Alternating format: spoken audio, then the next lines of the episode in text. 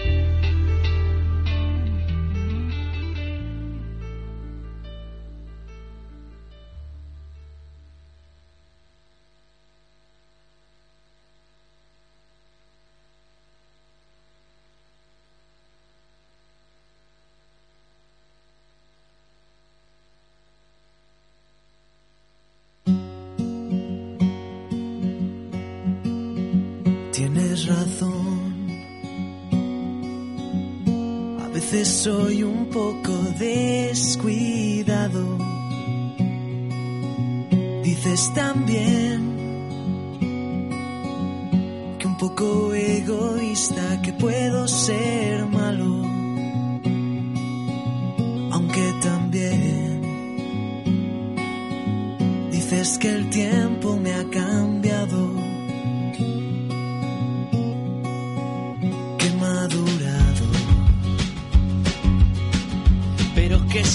siendo complicado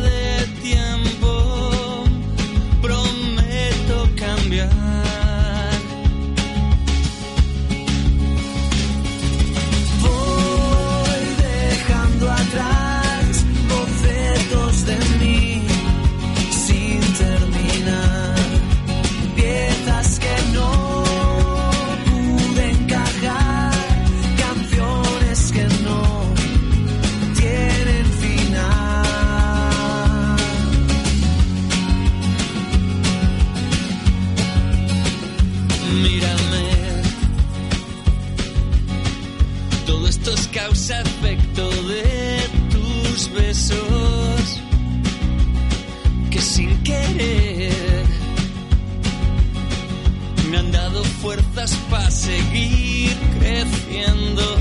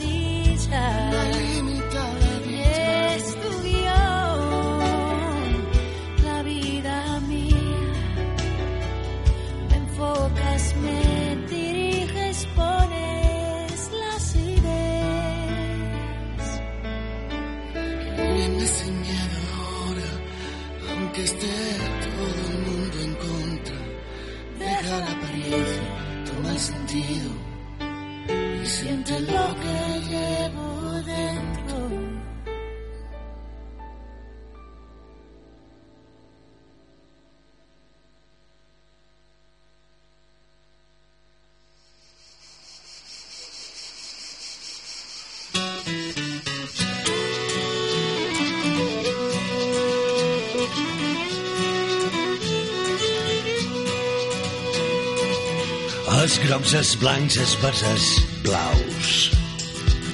D'aquest hivern que ha plogut tant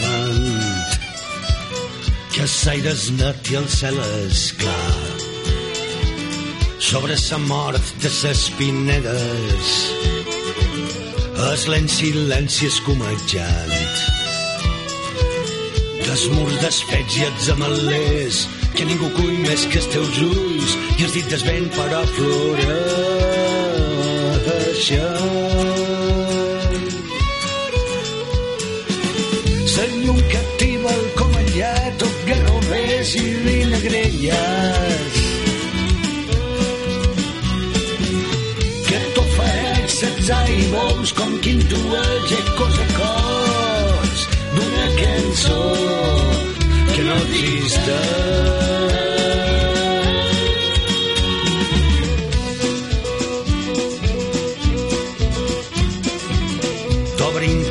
Clivelles de desig. Com a qui mira el món i sent perfum de fum i de llimones. I enyora focs horts enclastrats. Íntimes vestituds serenes. De cristall viu on t'emmirallen amb prendres bolsells de pols per ser l'incert de sa memòria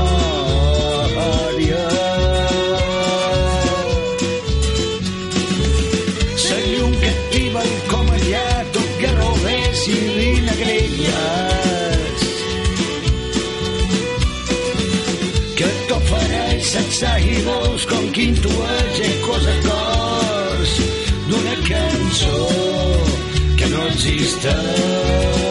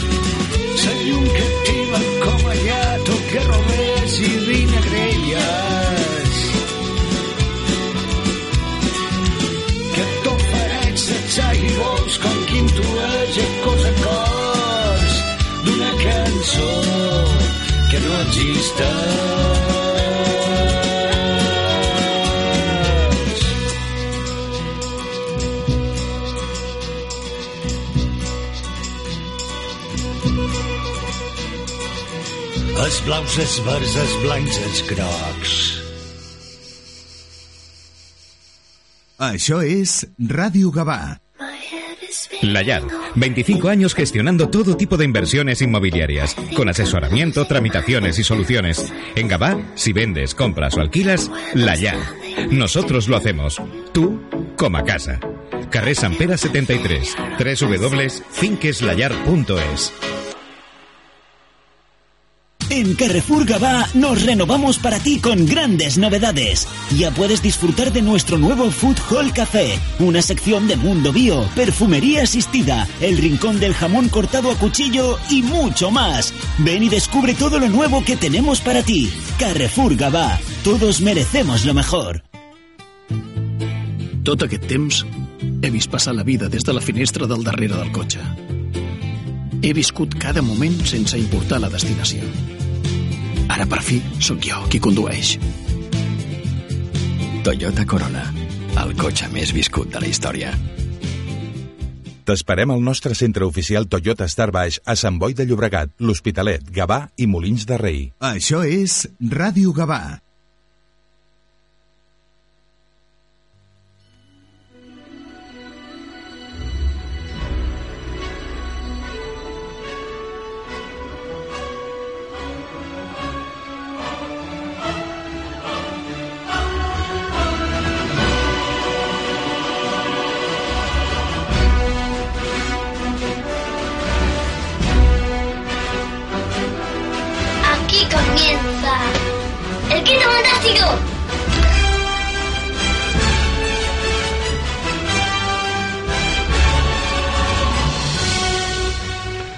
8 de la mañana y 17 minutos. Muy buenos días y bienvenidos a una nueva edición del Quinto Fantástico, episodio 2 de la octava temporada.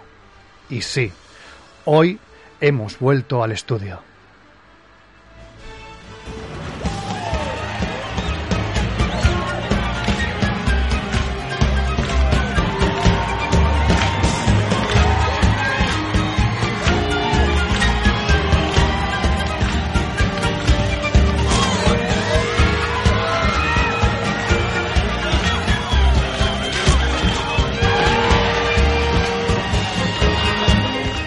Qué mejor que celebrarlo con La La Land, con esta canción que te da una energía de buena mañana, que te infunde un optimismo, que te transmite cómics en estado puro.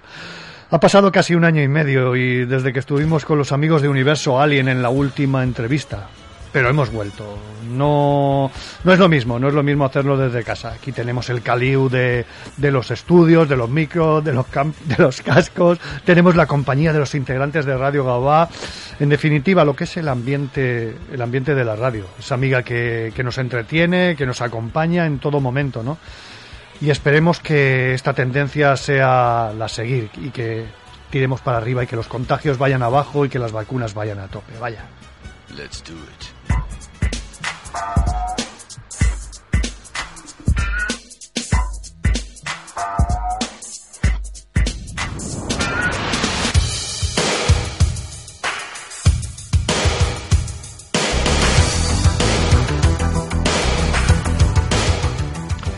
Y cómo no, comentaremos cositas comiqueras de, las últimas semanas, ¿no? Eh, estuvimos en, en el...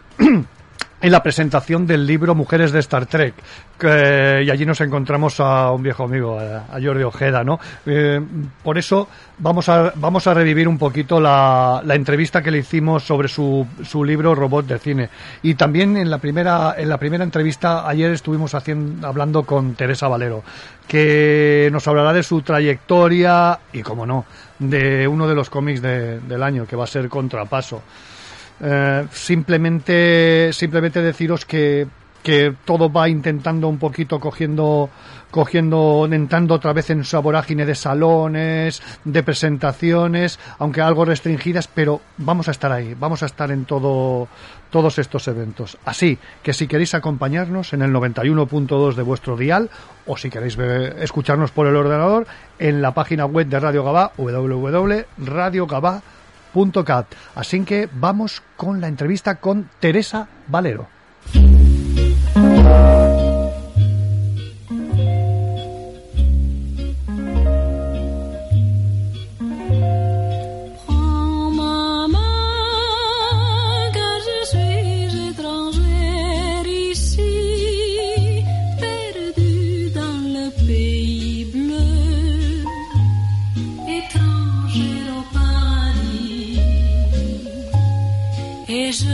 c'est que chemin, le danger dans un paradis, c'est de rencontrer un homme.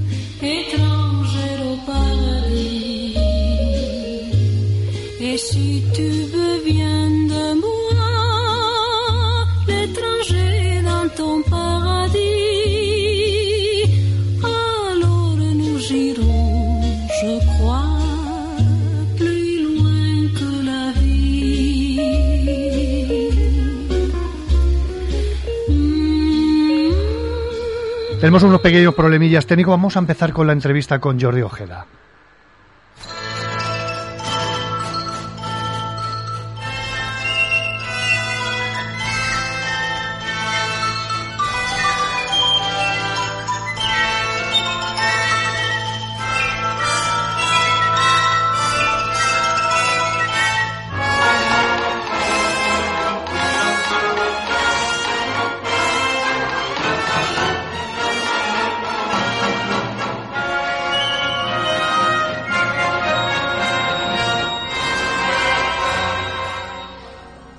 Inicié la andadura en el Quinto Fantástico de Radio Gabá, eh, a nivel de, de hacer el programa, en el primer salón del cómic que hice entrevistas veía una figura que conectaba entre el público y los autores, conferenciantes, sobre todo porque eran en las presentaciones de cómics o charlas, ¿no?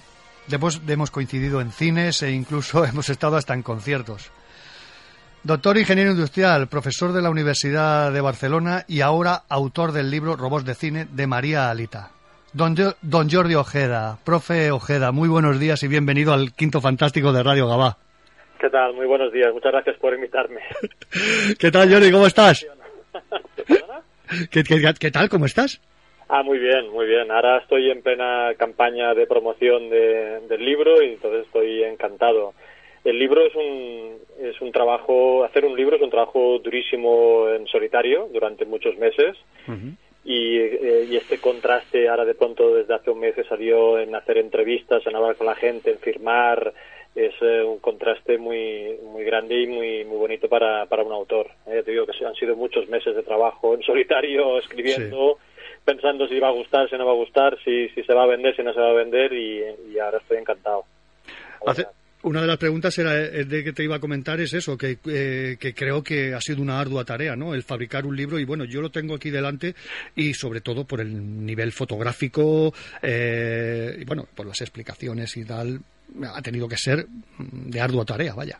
Sí, bueno, eh, yo estoy explicando que eh, la concepción del libro ha tardado unos ocho años en que empecé a trabajar, en, a, investigar sobre el tema de lo que yo diría como la criatura artificial en la ficción. O sea, el, el título del libro Robots de cine, pero como ahora hablaremos, no es exactamente solo de robots. Y, eh, y es, en escribirlo, eh, ponerte delante del ordenador y ponerte a escribir, buscar las fotos y hacer todo, es prácticamente un año de trabajo. Oye, genial eh, prólogo de Quique Maillo, director de, Eva. Me ha encantado, sobre todo, hay una frase final que me, que me encanta. El- fíjate, el libro tan exhaustivo, entretenido y pedagógico como el que han creado Jordi Ojeda es tan apasionante de leer. Primero porque tiene el afán nostálgico de provocar el reencuentro con criaturas que nos apasionaron. Y segundo, porque consigue dar las claves del género sin dirigirse únicamente a los fans, abrazando a todos los amantes del cine y seguramente a aquellos que tienen la, no- la noble inspiración de seguir cono- conociéndose un poco, un poco mejor a sí mismo, ¿no? Robot y humano, hay una, un poquito en esto una mezcla, ¿no? Bueno, eh, Quique fue muy muy generoso en aceptar eh, aceptar hacer el prólogo y también te tengo que decir una cosa muy curiosa y es que Quique eh, fue la primera persona que se leyó el libro, o sea, se la leyó antes que mi editor. O sea, mi, mi editor, eh, digamos, para aceptar el proyecto me pidió un, un, un índice que más o menos se parece al que quedó final y un resumen. Entonces le envié nada, le envié muy pocas páginas y el editor eh, se lo leyó en segundo lugar. O sea, el primero de todos fue Quique y yo le dije, a ver, Quique, si, si, si tú mm, te lo lees, eh, te gusta, aceptas hacer el prólogo, a mí, eh, para mí sería como un gran privilegio y realmente le gustó muchísimo y ha sido muy generoso en, en firmar este, este prólogo. Ya había hecho Eva, me, me imagino. La película. Sí, sí, sí, la película Eva es del año 2011 y el, Del prólogo, 2011, el prólogo lo hizo en marzo de este año, o sea, hace dos meses. Vale, vale. Ostras. Genial, ¿no? De tener este esta esta opinión tan tan buena, vaya. Claro, yo eh, con, con Quique he coincidido varias veces porque yo en, en estos ocho años he hecho, creo que son seis exposiciones de robots y en alguna de ellas pues hemos coincidido. También hay una anécdota muy curiosa y es que eh, él presentó, o sea, la premier mundial de EVA se hizo en la sesión inaugural del Festival de Sitges y ese año yo era jurado. Entonces, como los, los jurados teníamos reservado una fila eh, para estar siempre sentados en el mismo sitio, y justo detrás nuestro está eh, la fila reservada a, a los directores que vienen a, a presentar una película. Entonces yo vi Eva sentado delante de Quique Maillo. Y, y claro, él estaba todo el rato emocionado y hablando y saltando. Y, claro, yo vi la, película, la primera vez que yo vi la película de Eva, eh, la, la vi con él detrás y oyendo todos sus, sus comentarios. Y luego cuando acabó que aplaudimos, pues claro, yo me giré y los tenía, tenía todo, todos los actores justo, justo delante mío. Fue muy emocionante y, y me siento siempre partícipe de, de la emoción de ese día por vivirlo en primera, en primera persona. Oh, es la premier. Genial, genial, genial.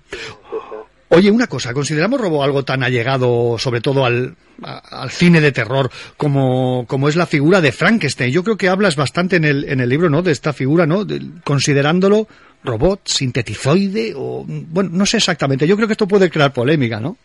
Bueno, eh, eh, dedico un capítulo entero a Frankenstein eh, porque eh, llega un momento, digamos, en el discurso, porque no, no lo pongo el primero, sino que llega un momento en el, en el discurso que eh, propongo que los eh, robots también podrían ser robots biológicos, es decir, que tenemos en la cabeza que los eh, robots eh, son seres metálicos y están hechos con cables y plásticos y acero y, ¿no? y aluminio y tal. Y, y hay un momento que digo bueno y si y si los y si los robots fueran biológicos el claro si son si, si, digamos un, un- un robot está definido como un artefacto un, ese- un ser creado de forma artificial ¿no? por, por alguien no por una por un ser humano Claro, en este caso, el Frankenstein eh, cumple con todas las reglas, porque Frankenstein en realidad es una criatura construida a partir de trozos de, de varias personas. Entonces, son, son varias personas eh, que, a a partir de coger trozos de cada una de ellas, acaba construyendo un- una criatura que además mide dos metros y medio y tal, ¿no? Con lo cual, si aceptamos que Frankenstein puede ser un robot biológico, pues hay muchas también muchas películas en que se crean seres artificiales eh, biológicos en el laboratorio, ¿no? Como puede ser mm, el mismo replicante de, de Blade Runner, un- es un ser, digamos, que se crea en un laboratorio y se crea ya eh, con un cuerpo adulto, ¿no? Y hay más películas, ¿eh? En que hay... Eh, Sí, sí, sí. eh, la últimamente, digamos, curiosamente, el- que es el hijo de Ridley Scott, eh, dirigió la película Morgan, en que también eh, hay una chica que se...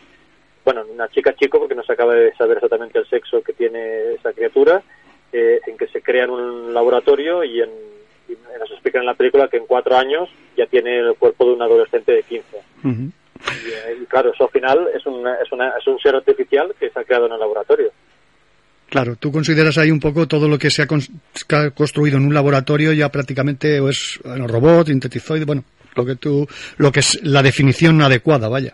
Claro, eh, bueno, el, el propio eh, el, el- el propio creador de la palabra eh, robot, que es Karel Capek, que es un dramaturgo checo, Karel Capek eh, inventó esta palabra en el año 21. Eh, robot en checo quiere, o, eh, bueno, mejor dicho, robota, en checo quiere decir eh, esclavo, un, eh, un trabajador, digamos, eh, obligado para hacer el trabajo forzado, ¿no? El eh, trabajo pesado. eh, en su obra de, teatro los robots eh, eran biológicos. ¿eh? Entonces, cuando se empezó a asociar eh, los robots a algo eh, metálico, él siempre decía que, que se había hecho un uso incorrecto de esa palabra, que, que él- sus robots eran biológicos, que eran eh, en, el, en la obra de teatro habla de una especie de, de plasma, pero eran completamente biológicos, es decir, que no, no eran, digamos, por decirlo así, el, el C3PO caminando, ¿no? Eran robots biológicos. De hecho, hay una curiosidad y es que la, como era una obra de teatro, o sea, la, la primera vez que aparece la palabra robot en la historia es en una obra de teatro. Entonces, en la obra de teatro, la que hay un científico que eh, tiene una fábrica donde fabrican robots eh, y los trabajadores son robots que fabrican robots, para que en- en la obra de teatro la gente del público distinga claramente quién es robot y quién es humano, lo que hizo fue maquillar las manos y las caras de color gris. Y, eh, y ese gris yo creo que ha, ha perpetuado, digamos, hasta ahora Sí. la- esa idea de, de que el gris es un, era por, por ser un gris metalizado cuando no era así. Era ese gris fue un recurso para que no hubiera ninguna confusión de quién era humano y quién era un robot biológico. Ese plateado que siempre se ha caracterizado en el cine, ¿no? Exacto. Oye, permíteme, permíteme que ponga un, un trocito de una sintonía. Sean bienvenidos a Alter 4, caballeros. Estoy aquí para transportarles a la residencia. Si ustedes no hablan este idioma, estoy a su disposición con otras 187 lenguas aparte de numerosos dialectos y subdialectos. No, con esta nos basta, muchas gracias. No quiero ofenderle con ello, pero... Usted es un robot, ¿verdad? Exactamente, señor. Y he sido convenientemente adiestrado para responder al nombre de Robbie. Tienen ustedes buen clima. Un alto contenido de oxígeno. Yo no hago uso de él, señor. Me produce herrumbre. Oiga, doctor, ¿esa cosa qué es, macho o hembra? En mi caso, señor, esa pregunta carece de sentido. ¿Harán el favor de subir, señores? Hay tres películas que, bueno, yo, mm, a, a- a mí me impactaron. Una es Metrópolis, con el paso de los años, otra es Ultimátum a la Tierra y otra es El Planeta Prohibido, ¿no? Con Robbie ahí, ¿no? Y están ahí en tu libro muy bien reflejadas. Claro, bueno, es que además eh, esta conversación que acabas de, de- de poner eh, sale en el, en el libro. Eh, hay que decir eh, que de esas tres películas que me comentas, dos son robots alienígenas, ¿no? Porque Robbie en realidad es alienígena. El Robbie es un robot construido por un, por un científico terrestre, pero lo hace a partir de planos ali- alienígenas.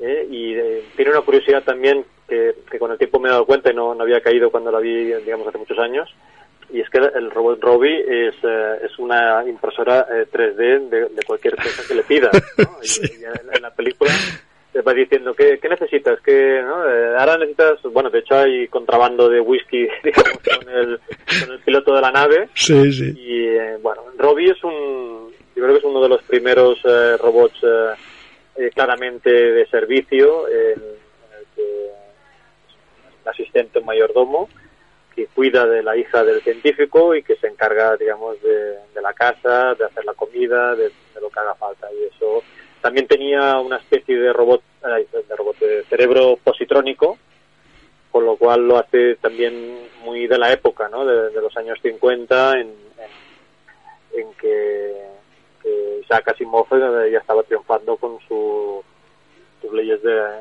de la robótica y su, su cerebro positrónico, ¿no? De hecho, en esta, eh, digamos, en, en- este trozo que, en este fragmento que has puesto de la película, justo después, hay un- una conversación en la que le dicen, eh, eh, le dicen a, a- a la nueva tripulación que ha llegado eh, que, que no se preocupen, que ese robot no les va a hacer daño porque, digamos, en, su- en sus instrucciones eh, eh, está, está programado de tal manera que no puede hacer daño a un humano. Sí, está eh, más de servidumbre, ¿no? Como tú como habías comentado antes. Sí, sí. Bueno, eh, se colapsa. Hay una escena en que le dicen ataque, le dan una pistola y dice dispare, sí, señor, ¿no? y se Sí. queda como colapsado y le retira la orden. Dice, bueno, he retirado la orden porque si no podría haber peligro que realmente, eh, digamos, quedara aquí, eh, quedara aquí petado, digamos.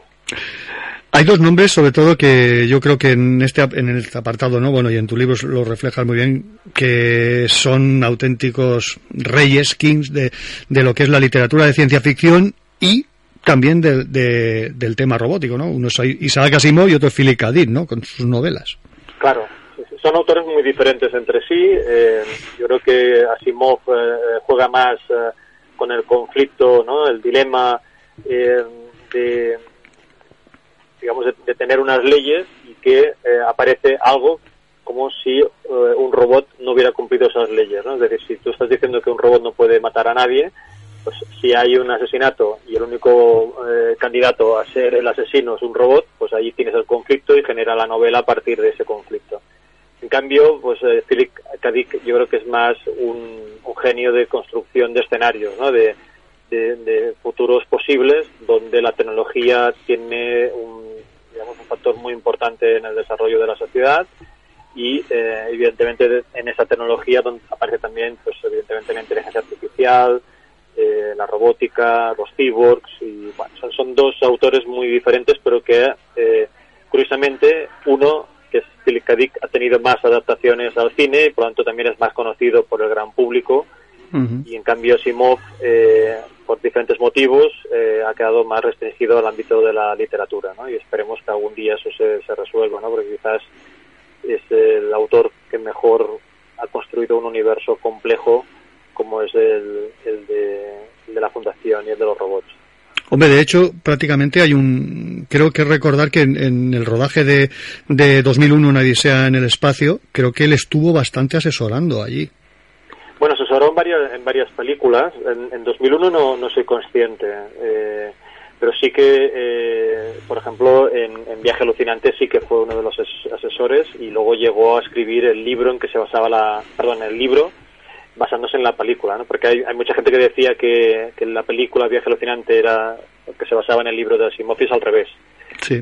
Asimov escribió un libro a partir de la película y luego hizo una segunda parte, una, un, un segundo libro que sí que es original y que ese no se ha hecho, no se ha llegado a hacer ninguna ninguna película, pero sí que sí que en Star Trek eh, yo, yo creo que te has confundido con Star Trek. En Star Trek sí que sale su nombre. O en Star... Puede que sí, ahora mismo no, no recuerdo. En, en la película de Star Trek, la, la de, digamos, de los años 70, en la primera película, sí que sale Asimov como asesor científico en, en los créditos. So- oye, nada no enfocas también en el cine, no te quedas ahí nada más que en el cine, sino que también haces cositas co- con, las series de televisión y también las series animadas, ¿no? Eres un apasionado del Mazinger Z, ¿no? Series legendarias como Perdido en el Espacio, ¿no? Claro, eh, sí, porque eh, es muy complicado hoy en día eh, referirte a una disciplina artística nada más sin saber las influencias que ha habido en un lado o en otro, ¿no? Entonces, eh, claro, piensa que empiezo con el teatro, porque la palabra robot aparece en el teatro, luego pasamos al cine con Metrópolis, y luego, evidentemente, hay series eh, míticas, eh, por ejemplo, Robbie, eh, Robbie, que es el robot que aparece en Planeta Prohibido, luego eh, protagoniza cuatro episodios de La Dimensión Desconocida. Eh, con lo cual al final eh, la mezcla, ¿no? Esa- ese mestizaje entre, entre cine y televisión muchas veces es difuso y hay muchísimos eh, elementos eh, que trascienden de un lado para otro, ¿no? El, mismo eh, Star Wars, ¿no? Con R2D2 y C3PO, eh, los dos personajes llegaron a tener una serie de animación eh, que se llamaba justamente Droides y que ellos eran los protagonistas absolutos, ¿no? Y luego eh, en España es uno de los pocos países del mundo donde Mazinger Z triunfó de forma abrumadora y yo fui uno de los niños que la vio en la televisión alucinando y, eh, y que en parte pues eh, yo me dediqué a la robótica eh, en parte profesionalmente pues eh, en parte por, por, por ver de pequeño con 10 años por, por ver Mazinger Z en la televisión y, y diciendo "Esto- qué es no Es que fue un, fue un, un- bueno, un, un pepinaco, ¿no? Como dirían, como diría hoy en día, ¿no? si era algo tan original que nunca habíamos visto eh, con un bueno, con una forma de representar unas historias eh, casi surrealistas porque además eh, nos metían episodios sueltos y no se entendían muy bien eh, bueno todo fue tan surrealista además en, en aquella época eh, yo cuando le explico a mis hijos eh, lo- la televisión que tenía se ríen de, de mí ¿no? Claro.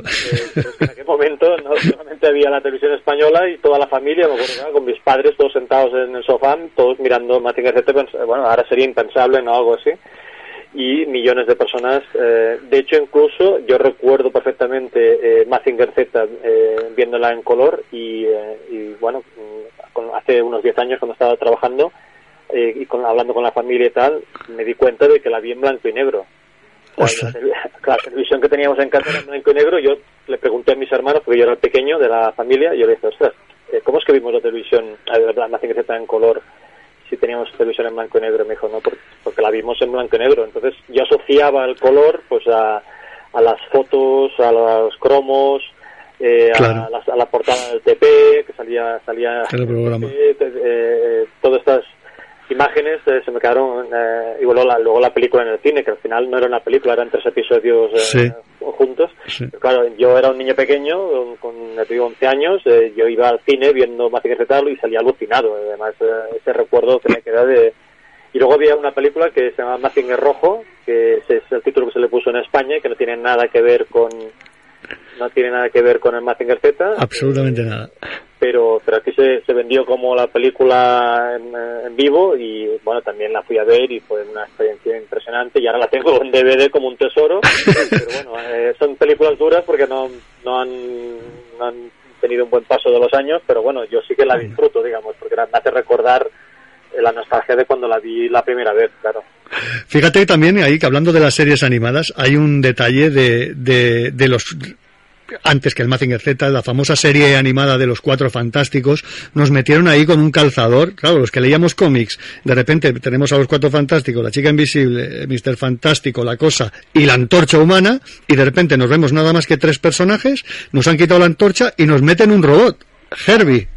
Sí, sí, sí, sí, es, muy curioso. Eh, Herbie es producto de una época también, ¿eh? porque esta serie de dibujos animados es del año 78 y eh, un año antes se había estrenado la película Superman y que ya te puedes imaginar que Superman fue un bombazo impresionante. También recuerdo de, yo tenía 10 años cuando se estrenó Superman y además no solo el hecho de- del estreno, sino que el- todo el tiempo que se estuvo hablando de, de la producción de la película, que el Marlon Brando decía que sí, que no, que luego dijo que sí, luego decía que, que cobraba una fortuna por unos minutos nada más. Es decir, llevamos muchísimos meses hablando de Superman, pero hablando en positivo. Pero lo que, digamos, también pasó es que hubo algún niño que, intentando imitar a Superman, pues en Estados Unidos, pues se, se lanzó por la ventana para intentar volar y, y fue una desgracia.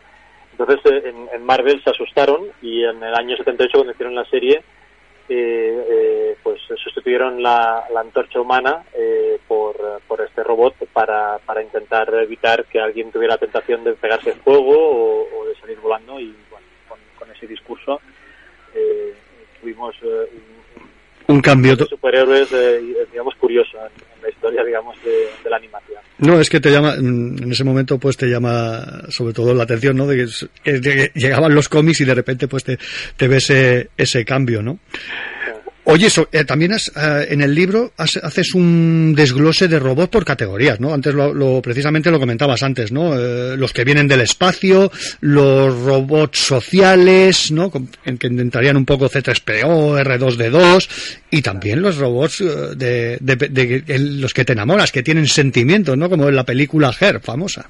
Claro, bueno, es que, digamos, que hablar de robots tiene que ser en paralelo siempre con la inteligencia artificial. Entonces, ah, si hablamos de inteligencia artificial, aquí eh, ya eh, se, se confunde, digamos, también con, con las personas y no sé exactamente dónde podemos llegar, ¿no? Entonces, hay, hay dos eh, películas interesantes en ese sentido, que una es Her, en el que el protagonista se enamora de su sistema operativo, y la otra es la última eh, película de Blade Runner, eh, de Blade Runner 2049, en la que el protagonista tiene como compañera, y hay un momento de la película importante en que te das cuenta de que la compañera no existe, que es, es una compañera eh, realmente de realidad aumentada. Eh, y hay un momento, hay una escena en que el, el protagonista pasa a través de ella y dice, ostras, la tía no existe, es una- como una especie de holograma, ¿no? Eh, la técnica en concreto se llama realidad aumentada. Con lo cual, al final, eh, estamos hablando de que tu pareja eh, puede ser un sistema operativo o puede ser una realidad aumentada en la que estés interactuando con, con, esa, con esa entidad y en realidad no existe, ¿no? Es una inteligencia artificial. Y eso me parecía interesante también destacarlo en el libro porque se pueden, digamos, nos podemos encontrar en pocos años, sino ya, eh, situaciones un poco curiosas en si te puedes enamorar o no de una, de una inteligencia artificial.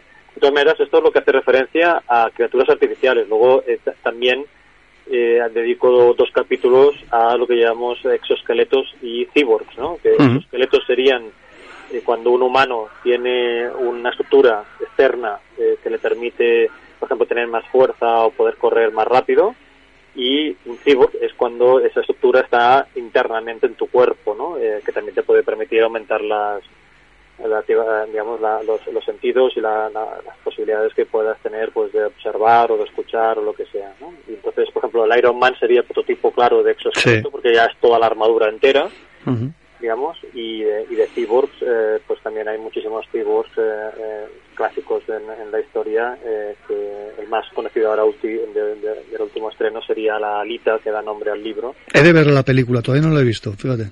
Pues mira, sale a finales de julio, sale eh, en Blu-ray ya en nada, aquí ya muy poco tiempo.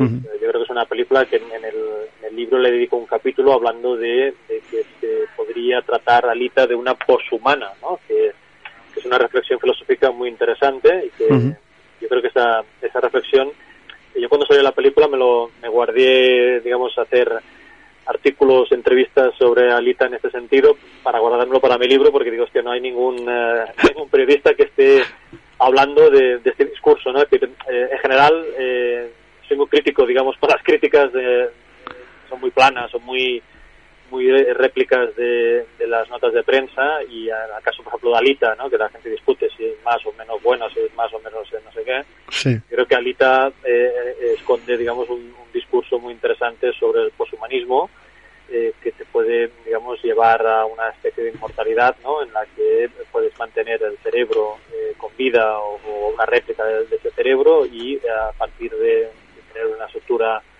de cyborg, ¿no? En todo tu cuerpo sea un cyborg, puedes acabar eh, viviendo de forma inmortal, ¿no? En este caso, Alita tiene 200 años en la, en la película, con lo cual bueno, es, un- es una, en ese sentido es una, una- un avance de, de- de aspectos eh, filosóficos que se está hablando hoy en día y que tienen que ver pues con los avances también en medicina, ¿no? que hace que, que haya una perspectiva de que cada vez vivamos más años.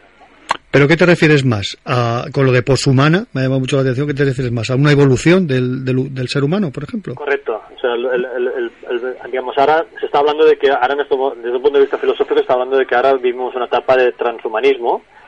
Eh, transhumanismo quiere decir que estamos, en una etapa intermedia hacia eh, una evolución futura en que eh, hablaríamos de un poshumano en, en- el que la tecnología eh, tendría un efecto tan importante sobre lo- el cuerpo humano que te permitiría pues tener eso, los sentidos más desarrollados, vivir más años, etcétera, ¿no? Y eh, bueno, no sé, hay hay una reflexión muy interesante que es la que está haciendo justamente ahora el director de tecnología de Google, que eh, está afirmando que él, digamos, cree que en 10 años eh, seremos capaces de tener una réplica digital exacta del cerebro humano.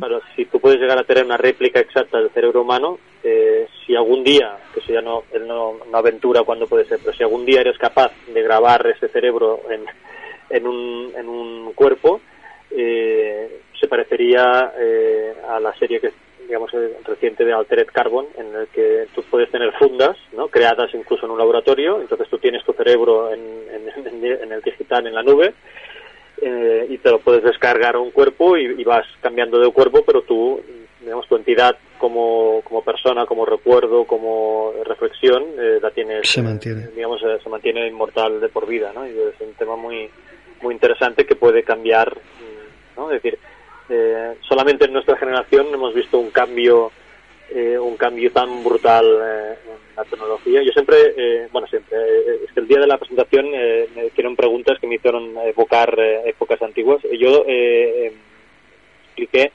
el día de la presentación que yo fui becario en la Escuela de Ingenieros Industriales en el año 88 y me, me ficharon en la universidad para como becario y la, el primer trabajo que, que me, me- me pidieron, el fichaje digamos que hicieron, fue para abrir unas cajas que habían llegado que dentro había una cosa que se llamaban ordenadores personales. Ostras, Y, 88. y abrí las cajas y, y, y digo, hostia, ¿esto qué es? ¿no? Unas pantallas, una- unos discos duros de IBM, una- unos PCs y, unos teclados y los monté allí, pero digo, ostras, qué fuerte, ¿no? Porque hasta ese momento yo había estudiado informática con grandes eh, ordenadores y pantallas de texto, ¿no? Y, y yo fui el primero que monté un ordenador y entonces eh, aprendí, digamos, eh, cómo funcionaba. eh, de Sí. MP2, del sistema operativo, y, y entonces la gente venía, los profesores que me habían enseñado a mí, pues yo le hacía pequeños cursos de cómo era ese ordenador, y entonces teníamos uno para todos, ahí mirando todos cómo funcionaba. Tú le enseñabas a los profes. Bueno, es que eh, a mí me encar digamos, mi trabajo era pues sacar de las cajas los ordenadores y, y ver cómo funcionaba. Entonces, eh, pues expliqué cómo era el MS2, expliqué cómo era el C Genial. y, eh, y era era como muy muy curioso. Tengo anécdotas muy muy divertidas. Pero claro, me refiero que en, en, en- nuestra propia generación hemos Ujú. visto un cambio tecnológico tan brutal que, que bueno, que, que ve- vete a saber qué puede pasar aquí a 50 años. ¿no? Sí.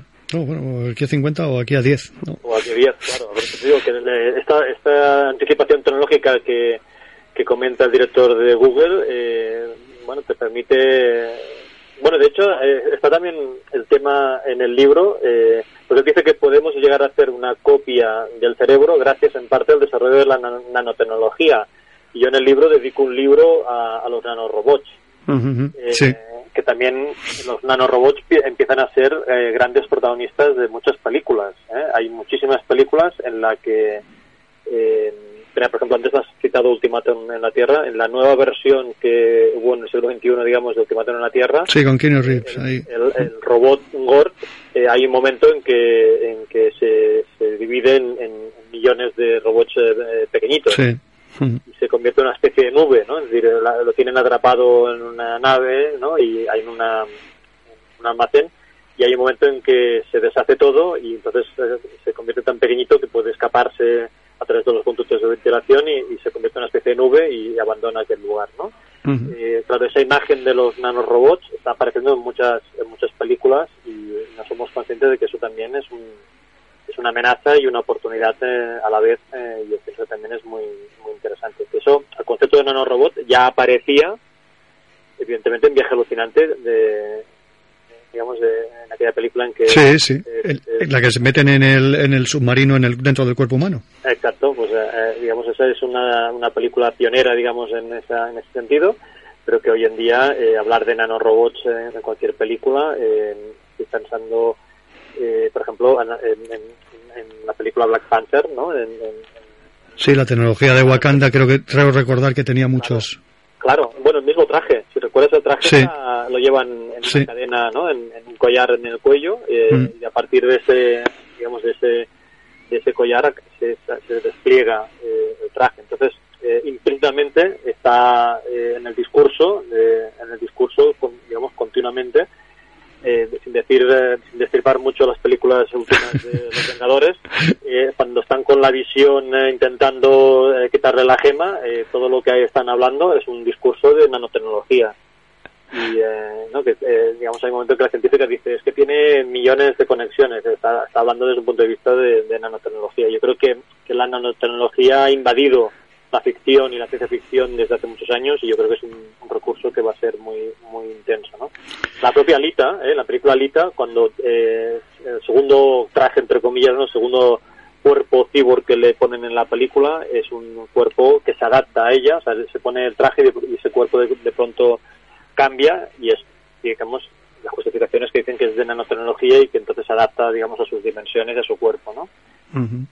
Oye, ahora que has dicho, ahora que has dicho la visión, ¿no? Eh, Sobre todo también haces un poquito, tocas algunos, mm, ya sabes que este es un programa de cómics, ¿no? Y tocas ahí un poquito Ultron, eh, la, vis- la misma visión. Yo echo de menos eh, los centinelas. Soy muy, soy muy mutante, ¿no? Echo un poquito de menos eh, eh, un apartado sobre, todo por todo el cómo evolucionaron tanto a nivel comiquero y, y, y, bueno, en su, en su faceta de vigilantes, ¿no? Y demás. Claro. Eh, mira, ahora estoy haciendo otro libro eh, que no tiene nada que ver con este y los centinelas tienen un papel importante. ¿no? Genial, genial. Los centinelas eh, son, por decirlo así, los robots eh, gigantes del universo de X-Men y que tienen una función represora, ¿no? Porque tienen el encargo de capturar, eh, como sea, a los mutantes. Y eh, pues ahora no sé decirte si...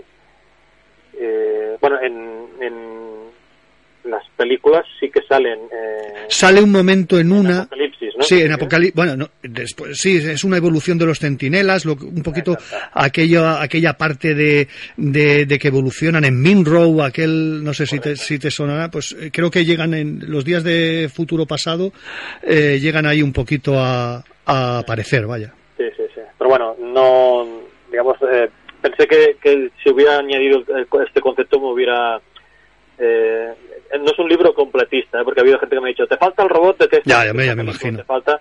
Eh, sí que sí que hay, digamos, yo he tenido toda la libertad del mundo, evidentemente toda, o sea, te puedo decir que, que no me han cambiado ni una coma en la editorial, o sea, he tenido toda la libertad del mundo, pero sí que tenía una condición que era el, el- el tamaño, ¿no? Es decir, el- había una limitación de- del número de páginas que podía hacer y, eh, y eso sí que lo he respetado, digamos, para no tener discusiones después y, y entonces el libro, pues, bueno, con todo el cariño del mundo, digamos, está hecho pues eh, con esas limitaciones. Hay, hay otras limitaciones que también me, autoimpuse yo, como el tema de que la lectura fuera eh, muy eh, atractiva y que no estuviera llena de citas y, eh, y que fuera muy, eh, lo que llamo yo, un- una continua referencia, ¿no? Tienes que, hay muchos libros que estás leyendo y continuamente te hacen ir a buscar notas de pie de página o notas al final o tienes que buscar más documentación y quería que este libro, solamente leyéndolo, ya disfrutaras.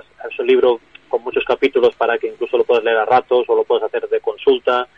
Que, ¿no? Si tienes, ahora si una película de nanorobots, pues dentro de, yo que sé, dentro de tres o cuatro años, pues coges este libro, busques el capítulo de nanorobots y veas que, de, de qué va el tema de los nanorobots. Eso es lo que me ha llamado más la atención a mí. La primera vez que lo tuve, que, que lo tuve en mis manos es lo que más me ha llamado. El- el- la documentación, tanto fotográfica y sobre todo, eh, es muy ameno de leer. No, no dices, ostras, es que aquí va, va a haber unos conceptos y tal. Por cierto, también muy bien, al final, tienes ahí tu pequeño diccionario.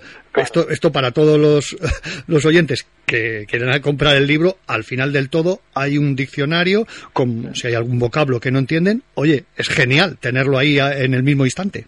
Claro, claro. De hecho, eh, ya tengo ya muchas eh, críticas positivas y comentarios de lectores eh, y muchos de ellos que me gustan mucho, de- digamos, algunos que son amigos míos, me conocen y que no les gusta la ciencia ficción, se lo han leído, digamos, por cortesía, por, por mi amistad. y Me han dicho, ostras, pues no pensaba que me iba a gustar y me ha gustado mucho.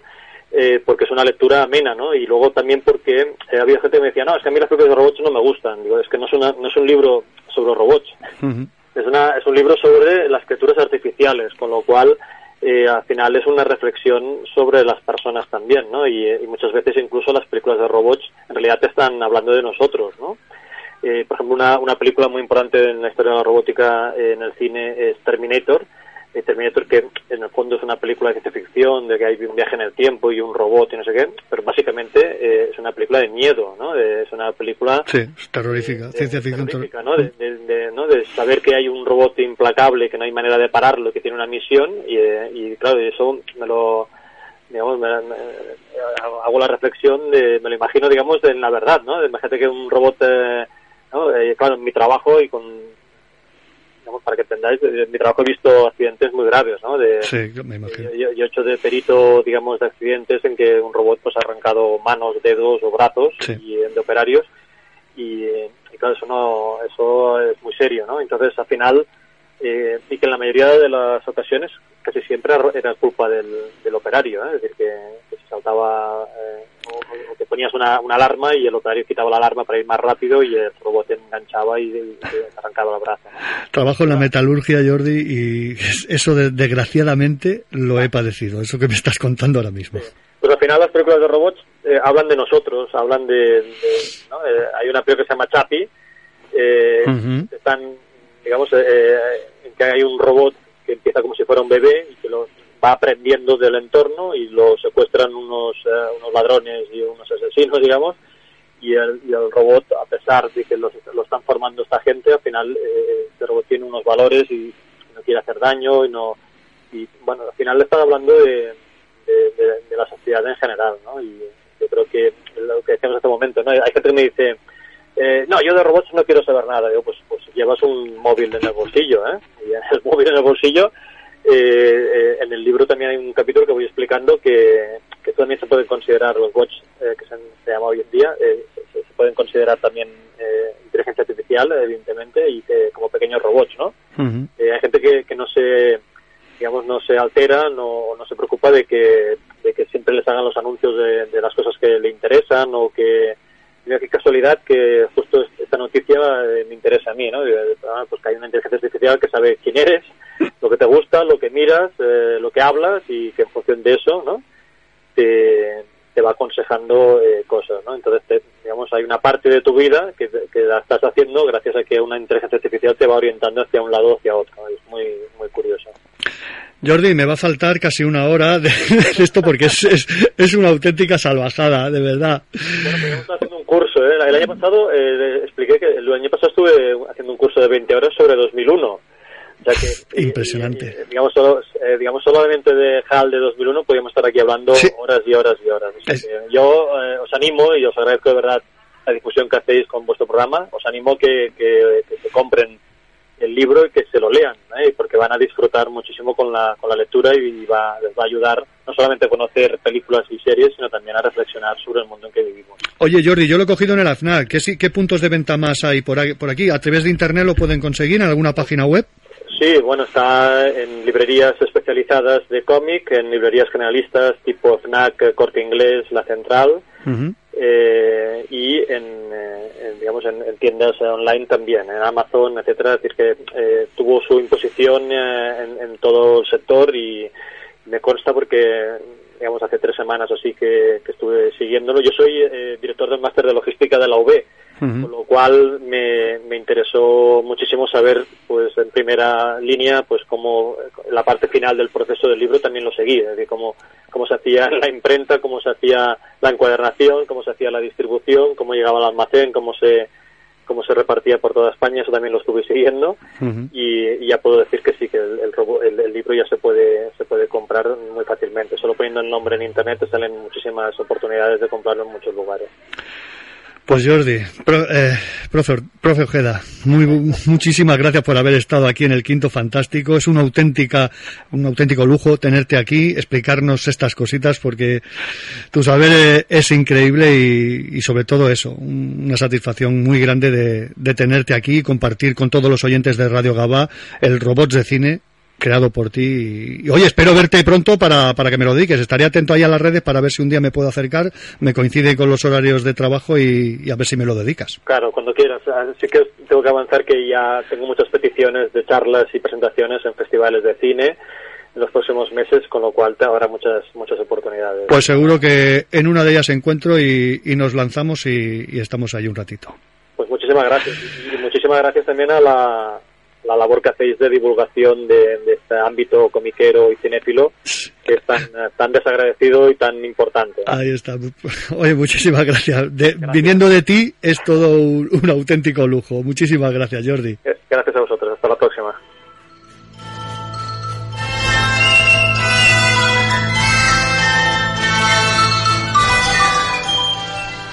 Hablar con, con el profe Ojeda siempre es un lujazo. Eh, lo escucharemos lo más, no, lo más seguro no.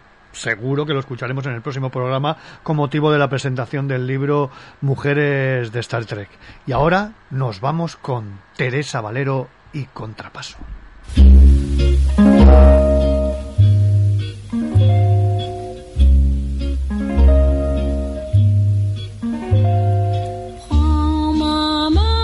Nuestra invitada de hoy ha tenido pasión por el dibujo desde la niñez. Eh, comienza a dar sus pinitos en el mundo de la animación como secretaria de producción.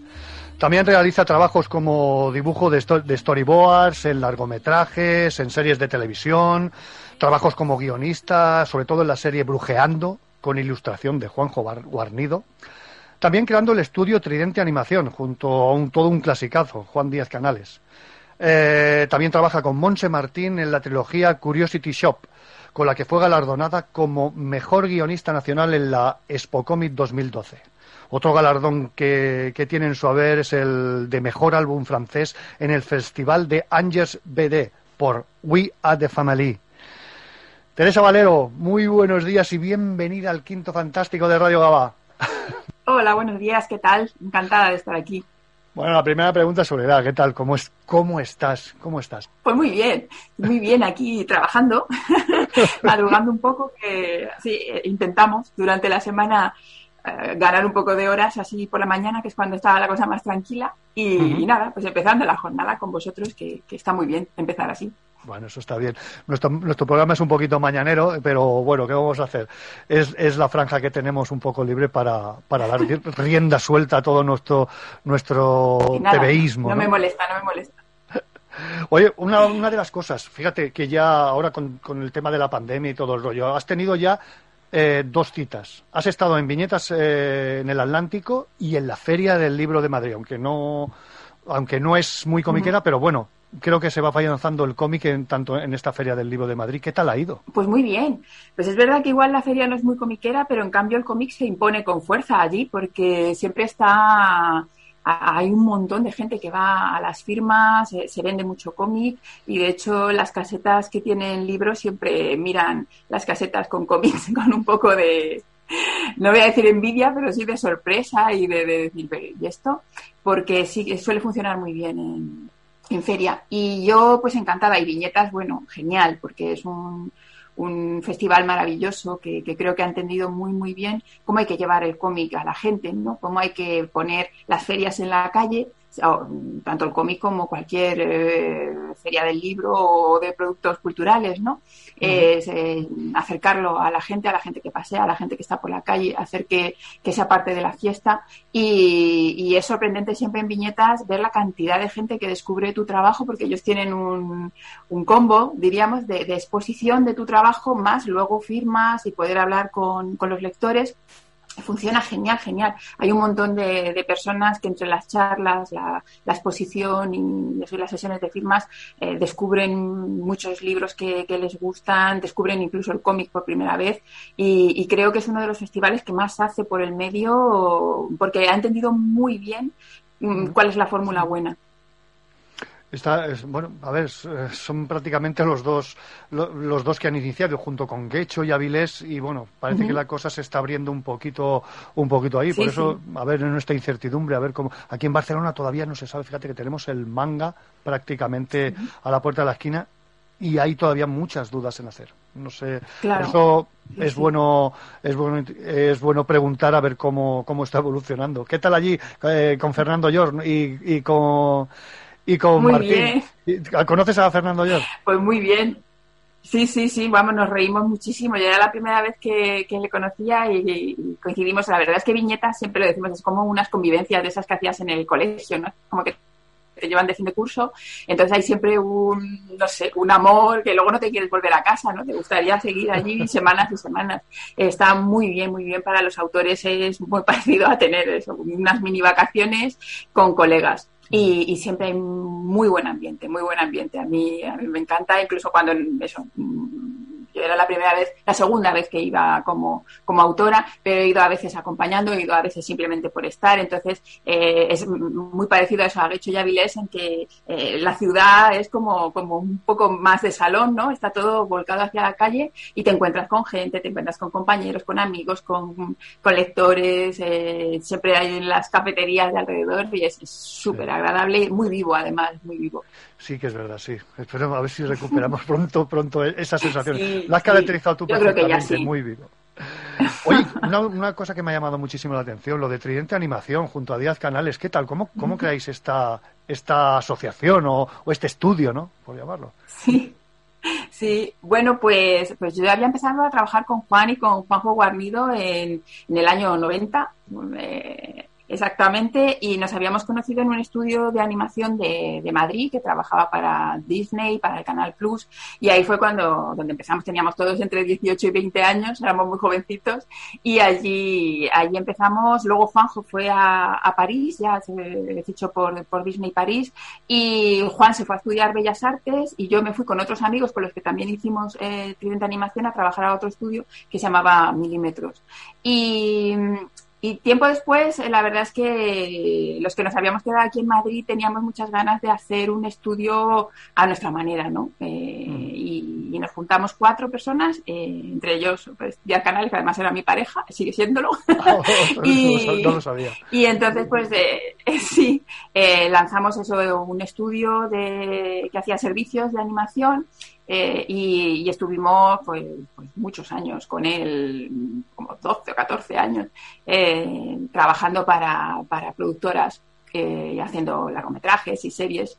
Oh. Y, y la verdad es que nos lo pasamos muy, bien, trabajamos como esclavos muchísimo, Bueno. pero había tan buen ambiente y no- nos, reíamos tanto también que, que nunca, nunca nos costó. Prácticamente vivíamos allí, es una de las cosas que tiene la animación, que te obliga a trabajar unos horarios muy, muy extendidos.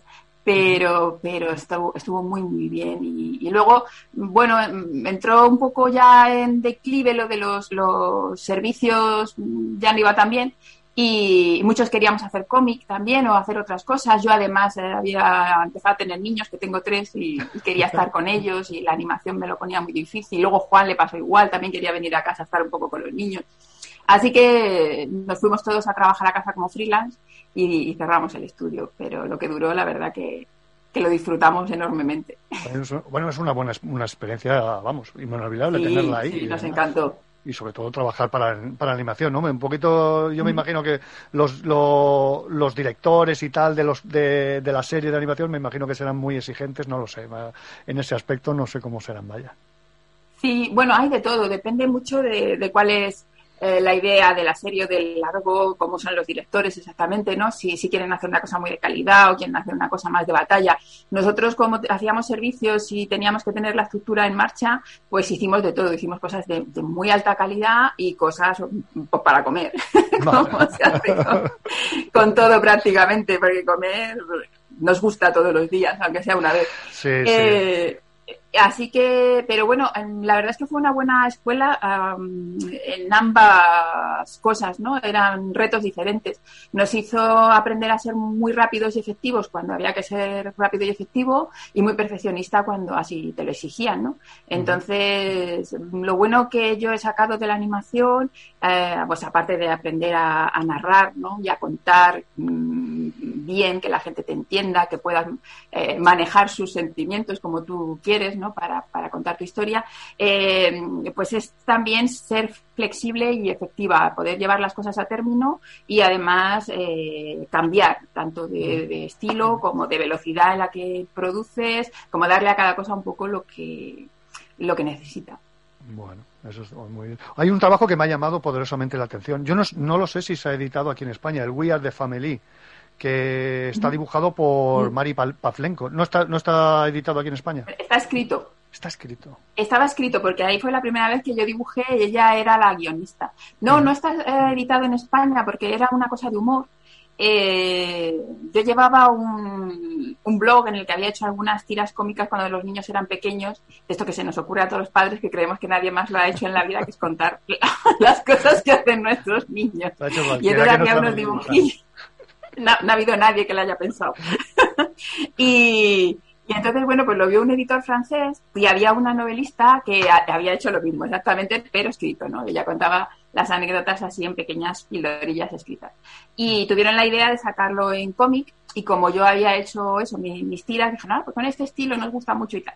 Y, sacamos un álbum, pero que es, es tiene un, un humor muy particular, muy francés, que es muy difícil eh, trasladar al español, porque está sobre todo basado en homofonías, en juegos de palabras y eso, que cuando lo trasladas ha habido algún intento y, y- y casa muy mal. Entonces al final no, no se tradujo y no se tradujo. Hombre, aquí a, a ni- a nivel cinéfilo, el humor francés, a- a- bueno, hablo por mí, el, el tema de películas Sí, a mí sí. me encanta, ¿no? Eh, muchas películas que, que, que han, tras- que se han Yo soy más de humor inglés. Pues mira, a mí me gusta más el francés. Vaya, no... Así es, pues Sí. es que sí, yo creo que es una cuestión cultural y eso. Bueno, vosotros también estáis más cerca, yo creo que, que, que igual eh, tenéis ahí un poco más eh, la conexión. Pero, pero es verdad que, que a mí me cuesta un poco. Todo eso de las homofonías que ellos son muy...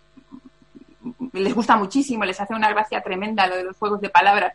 Y, y yo reconozco que a mí me gusta un poco más eh, toda esa ironía inglesa, eh, ese humor así Sí, sí, ahí, bueno, un poco más ácido, sí. Sí, sí, desde los Monty Python. Bueno, los Monty Python a mí me gusta, me gusta, Sí, pero sí, más Monty en y- Me imagino que si eres de eso, pues tendrás que tu fanatismo por ellos, vaya.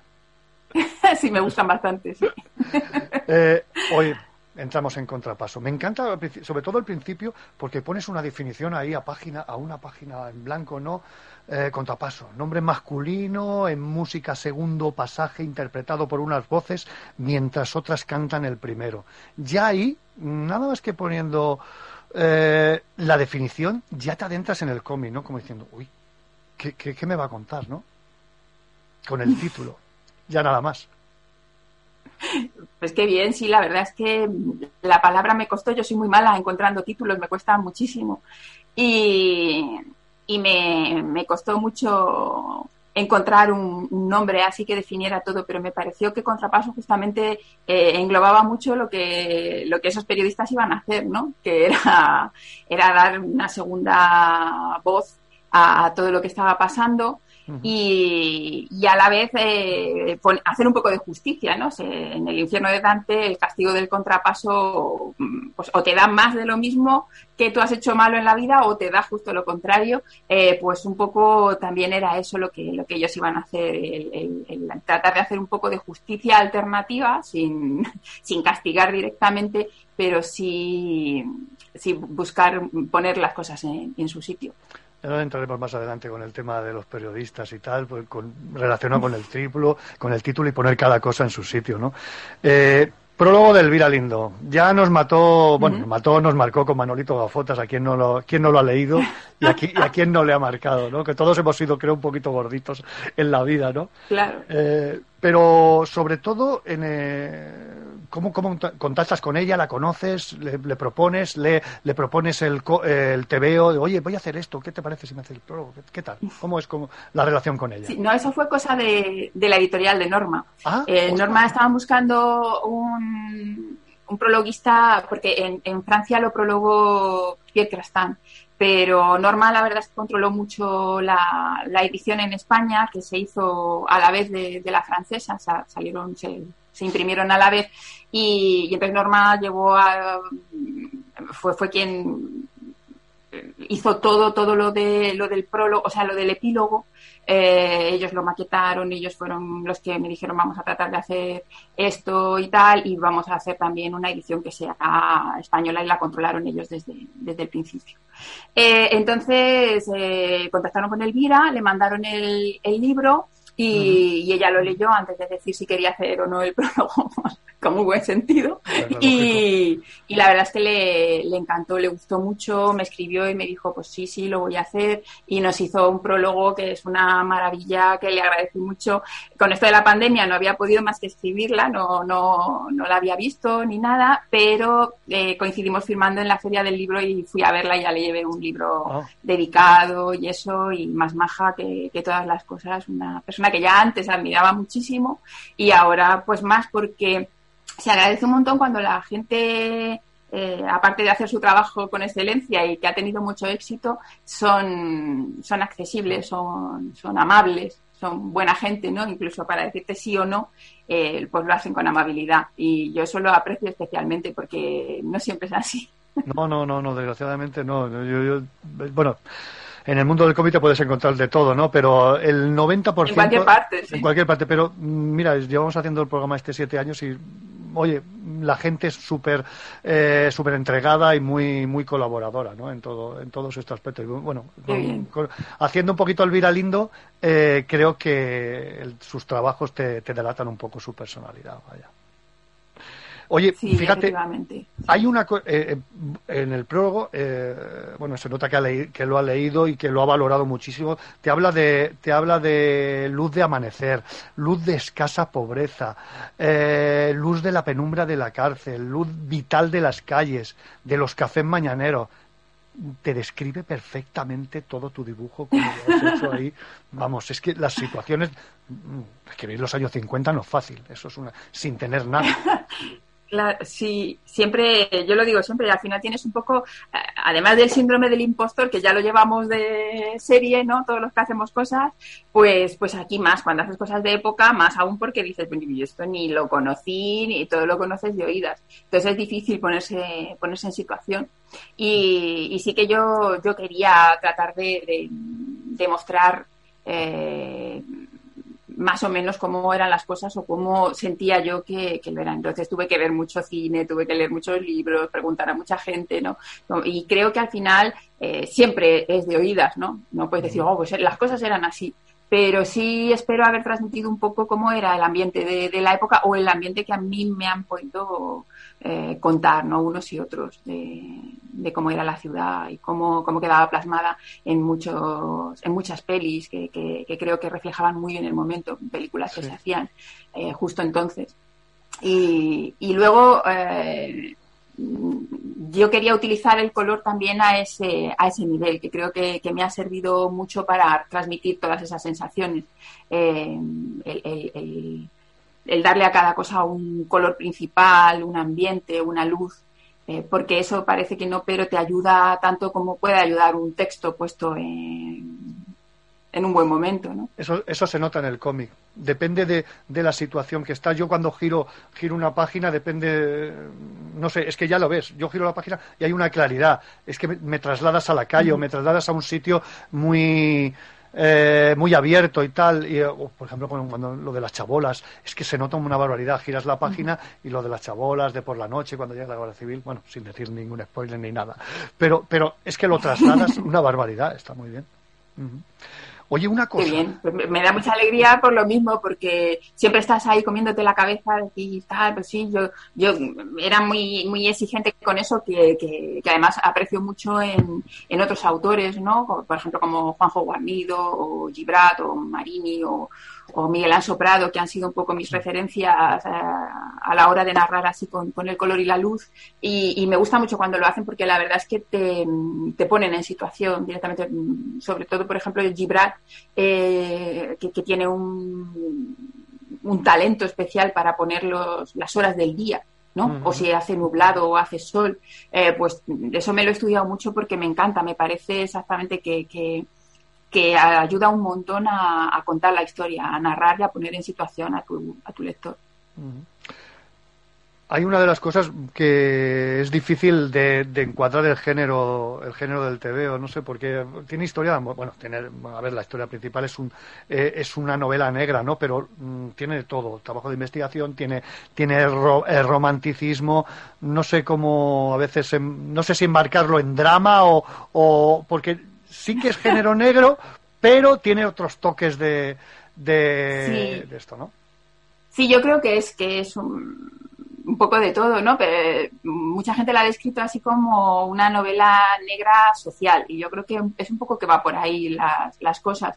Eh, a mí, eh, lo he dicho ya en muchos sitios, es verdad que lo de la, la novela negra casi es lo que menos me importa, es, es algo para, para contar una historia de manera entretenida, que eh, me ayuda a, llevar al lector conmigo de una manera más dócil, ¿no?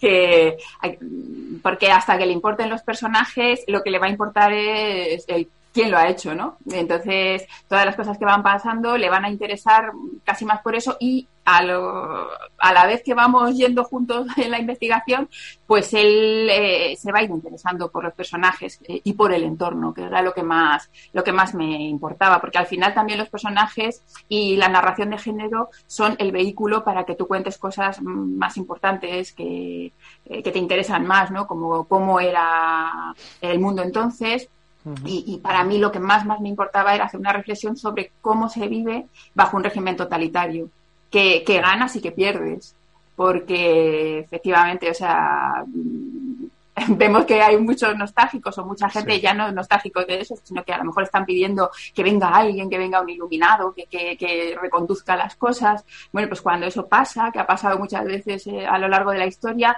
eh, todo eso tiene un precio. Eh, a lo mejor hay mucho orden o hay para algunos, ¿no? pero pero realmente tiene un precio de- y, y entonces era un precio que, que era una mano que llegaba a todas partes, llegaba a, a las relaciones humanas, a las relaciones románticas, a cómo era tu formación, a qué leías, a qué, qué escuchabas, cómo te vestías, o sea, hasta lo más mínimo eh, estaba regido por, por un gobierno que llegaba a, a todas partes, que tenía ramificaciones, que había repartido muy bien todos los aspectos sociales, le había dado la moral a la Iglesia, eh, un poco el nacionalismo, la falange, el- la economía, los tecnócratas, y lo tenía todo muy bien atadito, pero eh, la población eh, no, era, no era libre. Había, por supuesto, una, una oposición, o sea, una voluntad de oponerse a eso entre mucha gente, otra gente simplemente pues ya quería vivir, olvidar eh, la guerra y bueno, pues se quedaba con la tranquilidad más o menos y pagaba el precio más o menos eh, voluntariamente, pero había gente que no, había gente que no se resignaba y que hacía lo que buenamente podía, ¿no? Y, y con mucha astucia, con mucho ingenio, como se dice en las primeras páginas, ¿no? Eh, con esas palabras de, de Camille, pues, pues intentaban hacer lo que buenamente se podía para, para expresarse. Fíjate que ahí has dicho una frase, ahora, ahora he caído, ahí- digo, es verdad, digo, si me ha llevado, sabes llevar al lector. Sí, porque... ¡Qué bien! Sí, porque... Eso es lo que más me gusta, ¿ves? Sí, sabe llevar... Es que, bueno, yo, lo- a ver, mi comparación ha sido un poco como un rompecabezas. Yo digo, digo, me encuentro en un digo, es que me has sabido llevar por aquí, por la investigación de aquí, tal, la relación aquí. En todo momento te sabes y vas, que precisamente era una de las cosas que te iba a decir, que, que vas eh, haciendo como un puzzle, un rompecabezas, como quieras llamarlo, y a- el lector nos lo vas acompañando. Pam, ahora encaja aquí, ahora encaja. Oye, ¿y esto por dónde? Me ha saltado ahora aquí, pe- pero pum, dos o tres páginas más adelante te encaja, ¿no? Eso Qué lo haces bien. a la perfección. Qué bien, eso me da mucha alegría porque la verdad es que lo de hacer novela negra es un poco eso, es, es, es trabajoso porque claro, tienes que ir dejando las pistas. Y yo cuando lo estaba haciendo además decía, porque mm, lo que más me interesaba era lo otro, era eh, el entorno, las relaciones de, de las personas y, y, y yo decía, jo, es que pff, eh, enseguida vas a ver todo el mundo quién es el asesino, o se va a perder, o a lo mejor no le interesa. Y me ha sorprendido mucho que la gente dice, no, no, pues no me he perdido en ningún momento, me ha sorprendido el final. Digo, pues qué bien, porque yo al principio tenía muchas dudas ¿eh? de, de que estuviera haciendo algo que, que realmente fuera mm, sorprendente o, o, o eso, o no se perdiera la gente durante, por el camino. No, no, para mí el, para mí el, el TVO tiene dos finales. No sé si te lo habrán dicho. Yo para mí tiene uno que es el, el autoconclusivo, que es el, el del TVO, del propio, el propio de la historia, y otro, el que nos encontraremos si hay una segunda parte de Eso contrapaso. Ahí lo dejo, sin ningún spoiler ni nada. Ahí lo dejo. por- yo para mí tiene esos dos finales y, y te deja, eh, como diría David Pipa, te deja con el culo torcido, ¿no? Dices, ostras, tú, es que te, lo termina y lo termina Sí, de yo una quería, manera Dime, dime, dime. Sí, sí, no, digo que yo, yo quería hacer eso, quería que, que la lectura fuera autoconclusiva, porque muchas veces en, en cómic, como tienes que esperar tanto entre álbumes, eh, dejar, por ejemplo, eso, un caso criminal, una investigación eh, a medias y que tengas que esperar un año para que te digan cómo acaba, pues la verdad, a mí como lectora me, me resultaba un poco frustrante, así que decidimos hacerlo todo, todo en uno. Y, pero también quería que poder continuar con las aventuras de estos de estos periodistas que como luego ha pasado que ya, ya estoy trabajando sobre el segundo no y quería que, que el mayor estuviera mm, tuviera un caso que no ha podido resolver eh, que, que le, lo lleva arrastrando casi 20 años no y entonces ese sí que me gustaría irlo eh, avanzando poquito a poco con los otros álbumes y, y que el último álbum fuera ese, ese caso criminal. Yo no quisiera hacer tampoco muchísimos álbumes de contrapaso, siempre estoy pensando tres o cuatro eh, para, para acabar de contar la historia de los personajes, un poco todos los aspectos interesantes de, de esa época, ¿no? De, de- de alrededor del año 56, que es un año muy concreto en el que en el que empieza una cierta apertura porque la, la generación que no conoció la guerra ya es joven, es mayor y está pidiendo otro, otro mundo, ¿no? Y, y el régimen que aún es muy de mano de hierro, pero todavía ya, ya ha incorporado a gente que está intentando también ir por ahí, que abre, que abre muchas puertas a, a incorporar a la sociedad todos, todas las ideologías, ¿no?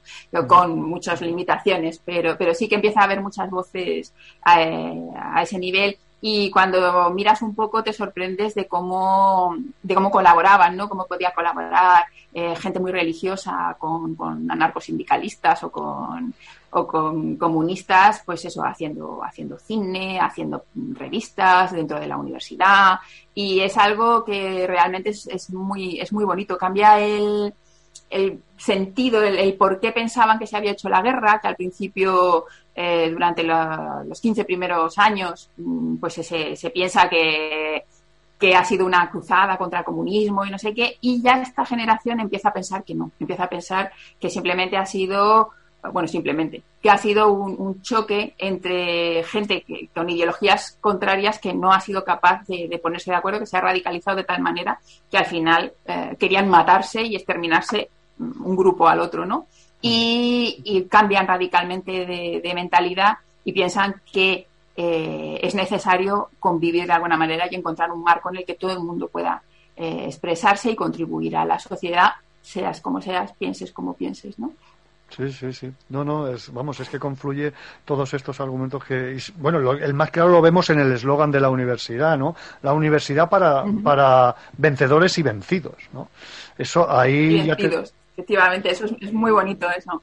Sí, sí, sí. Ese movimiento estudiantil es una cosa maravillosa, la verdad que se, que se diera, se reprimió con mucha dureza y, y la verdad que hubo unos días mmm, que, que, ahí se, se, nombra un poco de pasada, eh, porque tampoco cabe todo, ¿no? O sea, digamos al final novelas gráficas de, de 500 páginas que es muy trabajoso. Pero, pero sí es cierto que, que hubo una represión tremenda eh, cayeron muchas cabezas dentro de la universidad, los, los, chicos fueron, fueron a la cárcel durante unos días y, y, bueno, pero ahí quedó. O sea, no, eso no les echó para atrás, no echó a nadie para atrás.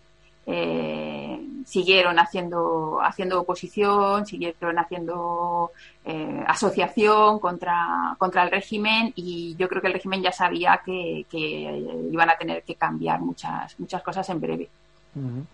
Una de las cosas que más también me ha llamado muchísimo la atención, sobre todo, es, es la manera de investigar. Eh, a ver, según vas avanzando, vas leyendo el TVO, eh, Dios, ¿cómo, cómo eh, Teresa va a hacer para que Emilio, para que León, para que tengan acceso a la información? ¿Cómo en una sociedad tan capada, ¿no? Eh, me recordaba un poco el buscar uh -huh. información, el estar allí en, en, la, en, en, la revista, en el, eh, en el bueno en la redacción no y después lo, uh -huh. eh, cuando llego al final del, del TVO sé que eh, te habías basado un poquito en el tema del caso no en, eh, en, sí, en el periódico sí, sí. por cierto en mi casa se leía vamos en los 60 70 sí, yo creo que mi madre, no. mi madre era, era alguna vez sí, sí. Sí, sí, a mí me flipaba mucho, pero yo soy de Carabanchel Profundo, ahí como Manolito Gafota. Y, y, en el camino al colegio había una papelería que tenía todas las revistas puestas en la puerta y el caso estaba siempre allí. Madre mía, yo, es que aquello me, me llamaba con campanillas. En mi casa no se leía mucho, pero yo me leía por lo menos esa primera página allí, con todos esos crímenes y barbaridades, me parecía algo fascinante total. Y, y es verdad que la primera idea para hacer contrapaso fue, fue el caso. Yo quería haber hecho el caso tal cual, porque había oído una entrevista que me había gustado mucho de Juan Rada, que contaba además muchas anécdotas muy divertidas, eh, y, y, luego estuve investigando también sobre el caso, y bueno, este había material tremendo. Pero justo entonces salió la serie de la tele, y, sí, y claro, ya me pareció sí, me pareció que lo habían explotado ya 100% y que entonces a lo mejor pues ya iba a poder aportar no mucho, sino más una versión. Y entonces preferí hacer algo un poquito más, más innovador y dije, pues mira, ya si tiramos por la ficción, tiro absolutamente. Y de lo primero del caso, que yo quería haber hecho como una especie de comedia negra, eh, pero más, más graciosa, pues al final el contrapaso se volvió un poquito más, más negro y, y más, más polar, ¿no? Sí. Más thriller. Eh, pero también me dio la libertad, al ser todo ficción, de, contar de una manera más efectiva, yo creo, de poder meter más cosas, articularlas de, de, una manera más, más natural, a pesar de que eran cosas muy, muy distintas, ¿no? Y a través de eso, de, de seguir a, a, los personajes y su investigación, que les va llevando a montones de sitios diferentes, eh, y con ese, con ese hilo, pues, a, a raíz de, de pequeñas cosas que ellos van viviendo, te vas haciendo una idea general de, cómo era todo el, todo el ambiente. Hay, hay, temas que seguro que te habrán costado muchísimo buscar información, porque yo creo que, ah, fíjate, estamos hablando de 2021, pero yo creo que todavía son tabú, ¿no? Psiquiatría relacionada con la homosexualidad. Yo creo que ahí habrás, te, mm, habrás tenido que investigar muy, muy mucho, vaya. Sí, lo que pasa que, que es verdad que hay muchos trabajos universitarios de, de historiadores, entonces eh, y, y son fáciles de encontrar, puedes encontrar muchas tesis o artículos eh, online y luego si algo te interesa especialmente puedes hablar con, con el historiador o eh, yo a todo el mundo que he escrito te, te responden muy amablemente y, y si tienes dudas eh, después de haber leído sus trabajos pues pues puedes eh, puedes resolverlas con ellos. Eh, entonces, prácticamente eso, muchas de las cosas las puedes acceder a bibliotecas a través de- del ordenador sin moverte de casa o a hemerotecas. y, de esa manera, pues puedes ver cómo eran los trabajos de, de López Ibor o de otros. de otros psiquiatras de la época, ¿no? Que pensaban que efectivamente la homosexualidad era, era una enfermedad que había que tratar y a mí una de las cosas que más me, me sorprende cuando investigo siempre y que, que me cuesta luego mucho trasladar, porque intento además no hacer eh, historias que sean muy maniqueas a ese, porque creo que la realidad no lo es. Eh, normalmente eh, la gente siempre piensa que está haciendo un bien cuando hace las cosas. Mm, nadie piensa que, que, que- que va a hacer una monstruosidad, ¿no? Ah, quitando la, la homosexualidad. Ellos pensaban que eso era una lacra, que tal, y querían que esas personas eh, vivieran bien. Entonces, Pero, claro, o sea, al final lo que, lo que consigues es una pesadilla. Con esa voluntad de, de- de corregir algo tal, en lugar de aceptarlo, lo que consigues es, son personas como, como el personaje que sale en, en Contrapaso, ¿no? Que, que, que a muchas de ellas cuando les, les hacían las terapias pues les quitaban lo que les hace ser seres humanos, ¿no? El, libre albedrío, la capacidad de decidir, la memoria, muchas cosas, eh, las ganas de vivir. Entonces, eh, esa frase, por ejemplo, que, que era de, un trabajo de, de, de de que después de, de acceder al lóbulo temporal eh, conseguían que no rechazaran al, al sexo contrario eh, y eso se, se consideraba ya un logro, pues es muy, es muy esclarecedora, ¿no? De cuáles eran las, las mentalidades. Pero pasaba igual con la eugenesia. La eugenesia que al principio, en los años 20, eh, la abrazó todo el mundo porque se pensaba que, que se iban a, a exterminar las, las eh, eh, enfermedades, que se iba a hacer un ser humano muchísimo más perfecto. Eh, al final acaba en, en, la pesadilla total que son es lo que hizo el nazismo, ¿no? Y, y, incluso los nazis que estaban que eran bastante conscientes de que lo que estaban haciendo era una barbaridad porque no, no lo hacían público y ni, a sus tropas eh, ya no no no lo digáis que, que esto baja mucho la moral de claro. los soldados sí. pues pues la gente los ideólogos sí piensan que es que van a llegar a un mundo mejor que va a ser un mundo más limpio que entonces, eh, realmente ahí lo que, lo que a mí me fascinaba era tratar de meterme en, en esas mentalidades, ¿no? Como hombres eh, formados, cultos, son capaces de abrazar ese tipo de, de, de ideas, tan, tan, que, que, que, cuando las ves con un poco de, de, distancia, pues te horrorizan, ¿no? El bien moral. Has dicho que, que hacían el bien, según ellos el bien moral, pero bueno. Sí, había... sí, claro, efectivamente. Efectivamente, es, es, una idea de mundo en el que piensas que, que, todo va a ser más limpio, más justo, no sé qué, y, y, durante un tiempo, hasta que tú crees que eso va a llegar, eh, pues el fin justifica los medios. Y ya está, cierras los ojos, si hay que exterminar, se extermina, si hay que hacer barbaridades, se hacen, porque luego va a venir un hipotético mundo que no llega nunca, no, eh, en el que todo va a ser fenomenal. Y luego caen las, las vendas, que es lo que pasó en, en el, alrededor del año 56, uh -huh. y más adelante empiezan a, a, caer las vendas y la gente que ya no ha conocido eso, que no ha estado en esa locura colectiva, ¿no? Uh -huh. eh, pues claro, ve que, que, que, todo eso no, no, no tiene sentido, o sea, que es horror y fin. No, no, ha llevado a ningún mundo justo ni maravilloso, ni ha podido desaparecer esa gente que tú pensabas que sobraba para construir ese mundo tan estupendo sí. que tú tienes en mente. Eh, realmente ni se acabó con los armenios cuando se no. intentó, ni se acabó con los ucranianos, ni se acabó con los judíos, ni se acabó con los la gente de izquierdas aquí. Entonces hay un momento en eso en el que cae eh, la venda y dice qué barbaridad, ¿no? Cómo hemos podido eh, tratar de solucionar algo o de ir a un mundo mejor, mejor. A, a, través de esto, del exterminio. ¿no?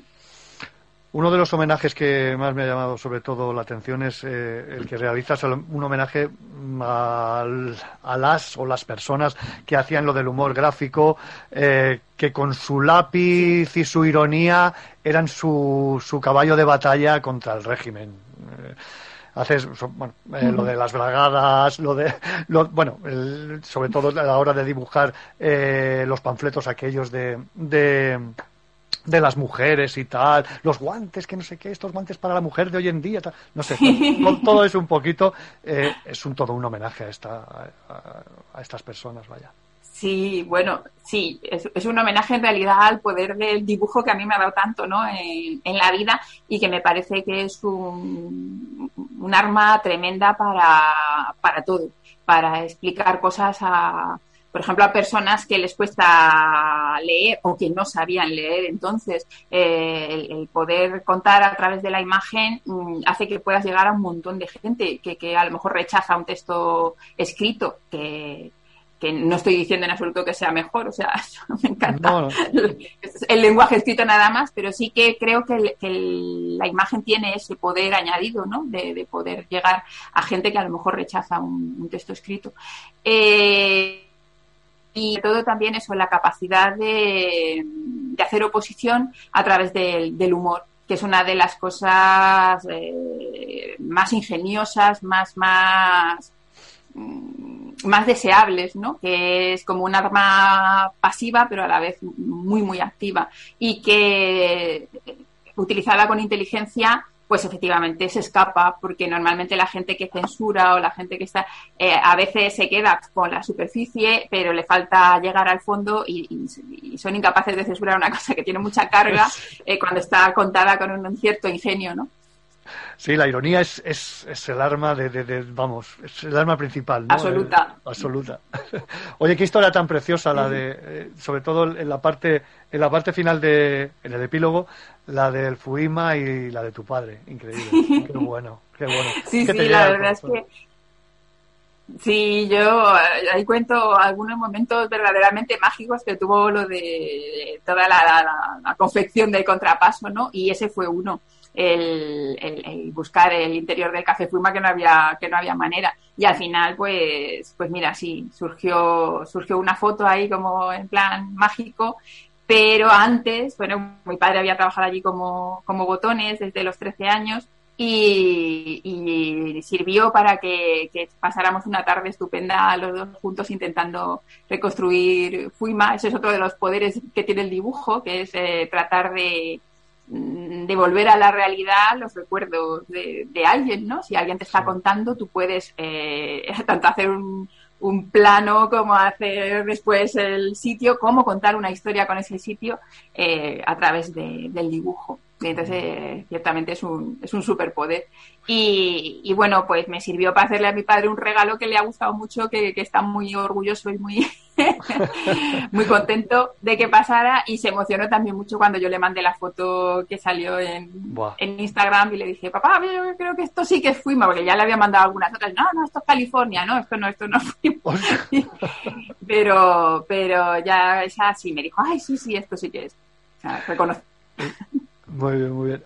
Mira, hablando de cafés, bueno, café no, o bueno, sala de fiesta, eh, eh, ¿existió realmente la sala de fiesta que pones en el... En el Casablanca, sí, ¿Casablanca? sí. ¿Existe? Sí, sí, Casablanca existió, era una casa, una sala de fiestas muy, muy famosa, había sido además muy elegante en los años 30, eh, ya en los años 50 un poco ese, ese brillo, ¿no? Y después, pues bueno, fue un poco como Pasapoga también, donde eh, donde se hacía mucho alterne, un poco de, de todo eso. Eh, pero sí, porque yo también, mi padre había sido muy, muy bailongo y Ajá. a una sala de fiestas que esté bien y eso, donde tú hayas ido a bailar.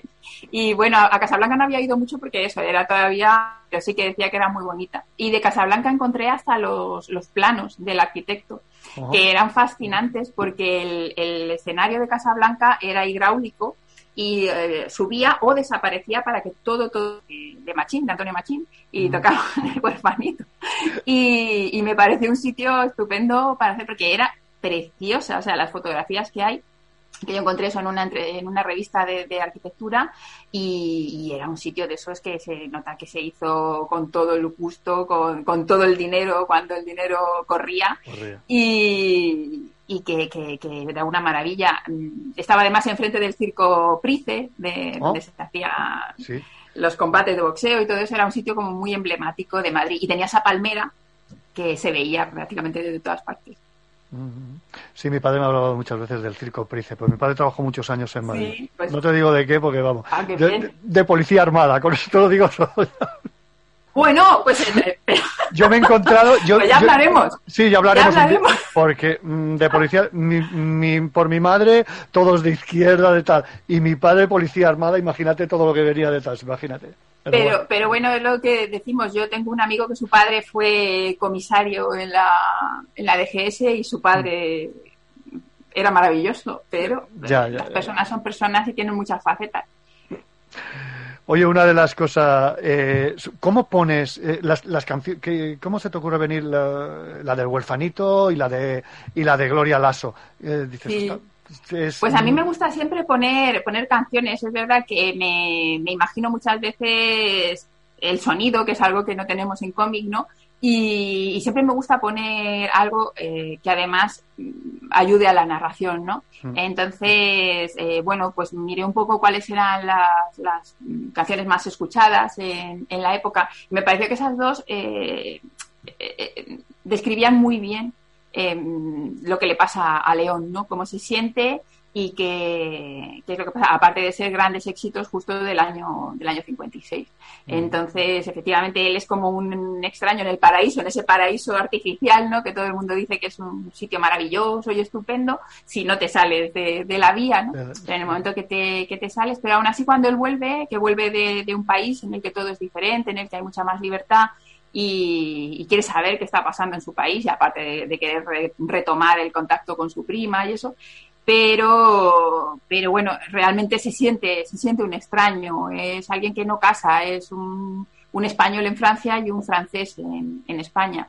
Y luego, efectivamente, lo del huerfanito, León es una persona que desde pequeñito eh, pues no ha encontrado afecto por ninguna parte, ¿no? Y, y, se, y se siente, se siente de esa manera. Luego, además, va a ser un, una, como es un, un gran éxito del año, pues lo, lo va a encontrar y va a estar asociado a él en momentos más duros, como el momento de la, la tortura, ¿no? El que le está cantando el comisario eh, y esas cosas. Va a ser una, una canción un poco emblemática de, de lo que le pasa, de, de, su desamparo, de, ¿no? de- desamparo, eh, de lo que de lo que tiene en la vida, su tío allí, el padre que era un rojo eh, y lo- el tío lo odia, bueno, en fin, no- bueno, hay una frase que me mata, eh, dice, le tenía que haber pegado dos tiros a tu padre, ¿no?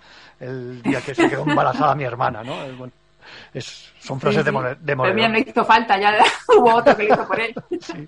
Sí, comen- has comentado que, que, que, que, bueno, que, que lo más seguro, bueno, lo más seguro que seguro que habrá una segunda, una tercera entrega. Yo creo que hay personajes, aparte de León y de, y de lo que es San, hay personajes que no pueden faltar. No lo sé, ¿eh? no sé si, si estarán y tal, pero yo me, mm, hay Sí. la hija del forense, el propio forense, el, el inspector casado, Sí, sí, Palom- la hija del Pal- forense Paloma, tiene que salir. Paloma tiene que estar. Sí, sí. Sí, en el siguiente, porque ya está introducida un poco en el grupo de, de investigación, ¿no? Ella ya es como plantilla del- del contrapaso, entonces va a estar va a estar con ellos. La hija de forense, por supuesto, no, no puede faltar porque ha sido un gran éxito como personaje, que yo ya lo sospechaba porque realmente es una pasada, ¿no? Yo te lo digo, ya a mí nunca se me hubiera ocurrido hacer un personaje así, o sea, menos mal que vi con la doctora Chus Buitrago, que, que es quien quien me dio la idea, ¿no? Cuando me contaba que ella había ido con su padre,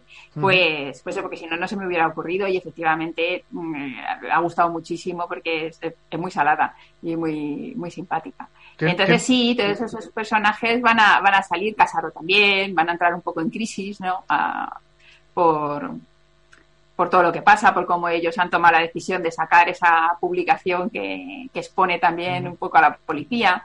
Mm. Eh, tam- también va a salir el comisario Jadraque, que, que es un- el malo malísimo de, de la historia. Sí, sí, no. Yo creo que eh, la, la hija del forense bueno, ti- tiene un cómic, un cómic aparte directamente. Para ella sola. ¿no? pues sí, pues sí, la verdad es que es que la cría lo merece, sí. Sí, sí, sí. Oye, y otra cosa, mm, también tienes cositas. Bueno, yo me, me he dado cuenta en el epílogo que tienes cositas de cine, ¿no? Como recordando la, la- las frases aquellas de Fernán Gómez en las bicicletas son para el verano y tal. No sé, eh, te, Sí. te- te va el tema cinéfilo también. Qué buena. Sí, a mí me gusta mucho el cine. Además, soy muy de cine clásico. Me encanta el cine ese de los años 50, el cine americano, que es la, época de los grandísimos, no solo guionistas, sino dialoguistas. El diálogo a mí me, me gusta mucho. Me parece que, que en sí mismo es un arte. Y, y lo trabajo mucho yo también porque me encanta ese tipo de frases inolvidables que, que se hacían en el cine de los años 40 y 50 y que luego en los, en los 60, 70 ya se fue a un cine un poco más lacónico, ¿no? Además en el que el subtexto tenía más, más peso. Pero esas frases de doble significado que, que te están diciendo algo y algo más, todo eso me, me gusta mucho. Y porque describen cosas es que, por ejemplo, esa frase de las bicicletas son para el verano es que describe totalmente la, la posguerra. Sí, O sea, no ha llegado la paz, ha llegado la victoria. Sí, Eh, creo que paz- describe absolutamente. Mm, Sí, la paz no acaba de llegar, pero se la espera. No me, no me acordaba yo de esa frase de, de, de la- las bicicletas son para el verano y la recalcas tú en el epílogo, que la dice León en el, en el, en el perdón, León no, eh, Emilio. Eso ya no lo en, en el cómic, creo que Sí. no. Pues me parece que lo ponía, bueno, quiero recordar que lo ponía y dice, no, esta Sí. esa frase lo- la, Sí, sí. la comenta, La- la... comenta Sanz, creo. Ahora no, A lo mejor en la- la en la- dicen algo parecido en la, en, en la escena esta en la que ellos van hablando de la guerra, que, que hablan un poco de todo, de, de por qué se llegó, de por qué se hacen cosas de las que luego uno se avergüenza, ¿no? Y si es mejor olvidar eh, cerrando todas las puertas o olvidar recordando y haciendo dando reparación a todos, ¿no? Entonces, eso que, que yo creo que es un diálogo que aquí todavía no, no se ha tenido del todo porque levanta muchas pasiones y, y por eso no se consigue cerrar del todo el capítulo, eh, pues sí, eh, sería importante al final hacer ya algún, algún acuerdo, porque las cosas que no se hacen con acuerdo siempre dan mal resultado y es lo, Sí. que, lo que va pasando. Se hizo un primer acuerdo en, en la transición que no ha evolucionado más y ahora ya se hace de manera unilateral.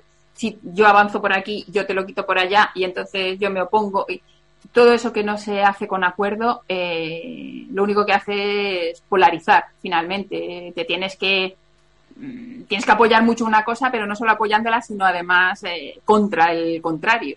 Y eso es un problema, es un problema. Yo creo que, que efectivamente hay una parte de la población a la que todavía no se le ha dado reparación y que se le debería de dar para cerrar, cerrar por completo el capítulo. Eh, pero bueno, no sé, parece que no estamos en ese... Yo espero que algún día se cierren todos estos capítulos.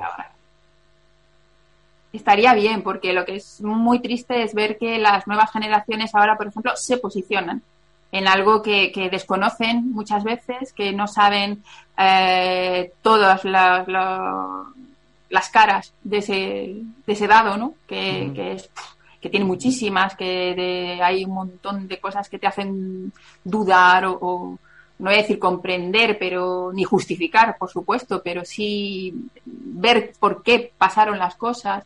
Y desconocemos mucho todo eso, pero tomamos una posición muy beligerante y eso es muy complicado de gestionar. Teresa, ¿vas a venir a Barcelona? ¿Vas a ver, ¿Tienes alguna presentación ahora pendiente? Barcelona, bueno, te he dicho Barcelona porque es la que nos pilla más Sí. cerca.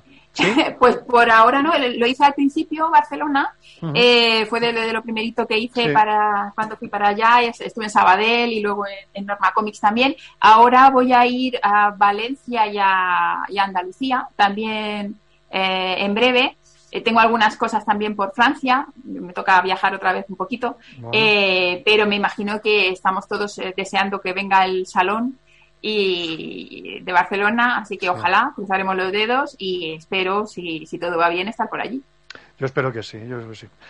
Simplemente decirte que, Teresa, que lo he disfrutado mucho, que el cómic, porque, no sé, te llega... Qué, qué bien, qué alegría me da. sí, sí, la gente que hablamos y es que te llega al alma, es que son, vamos, eh, sobre todo por la historia y por todo lo demás. Yo me gustaría cerrar la entrevista con, con una frase que recoges en el, en el, epílogo, en el epílogo de Jana Marie, eh, un torturado filósofo torturado por la Gestapo, ¿no? Eh, quien ha sido torturado lo sigue estando. Quien ha sufrido el tormento no podrá ya encontrar un lugar en el mundo. La maldición de la impotencia no se extingue jamás. La fe en la humanidad, tambaleante con la primera bofetada, demolida luego con la tortura, no se recupera jamás. Son cositas que te llegan, vamos, es que Es, es muy conmovedor. La verdad es que a Jana Meri, esa primera bofetada y todo lo que vino después, le, le arruinó por completo la vida. Y, y de hecho se, se acabó suicidando como algunos otros supervivientes, ¿no? Eh, y, y todo lo que los textos que tiene sobre la tortura hacen mm, reflexionar sobre cómo el ser humano pierde la dignidad eh, torturando, porque el torturado la pierde, por supuesto, pero la pierde Sí. de una manera impuesta, pero el torturador eh, es de las cosas más, más abyectas a lo mejor que, que creo que puede hacer un, un ser humano. Teresa, un placer hablar contigo. Espero la que la próxima entrevista nos podamos ver en directo. A ver, por cierto, no, me tendrás que firmar la, la, la laminita esta que es, es- está Claro que sí. La tendrás que firmar ahí. Espero que nos veamos en Barcelona, el Salón del Cómic, Barcelona o donde sea para poder que poder hacer que me firmes esto y, y disfrutar un poco de tu conversación. Pues será, será un placer y vamos, encantada. Muchísimas gracias por este ratito de, de conversación y, y nada, que todo vaya muy bien y yo también lo espero, que nos veamos muy, muy prontito por allí por Barcelona, que, que además es un sitio que me encanta. Pues muchas gracias, Teresa, y gracias por haber estado aquí en el Quinto Fantástico de Radio Gaba. Gracias. Un abrazo, gracias a vosotros. Buen día. Hasta luego.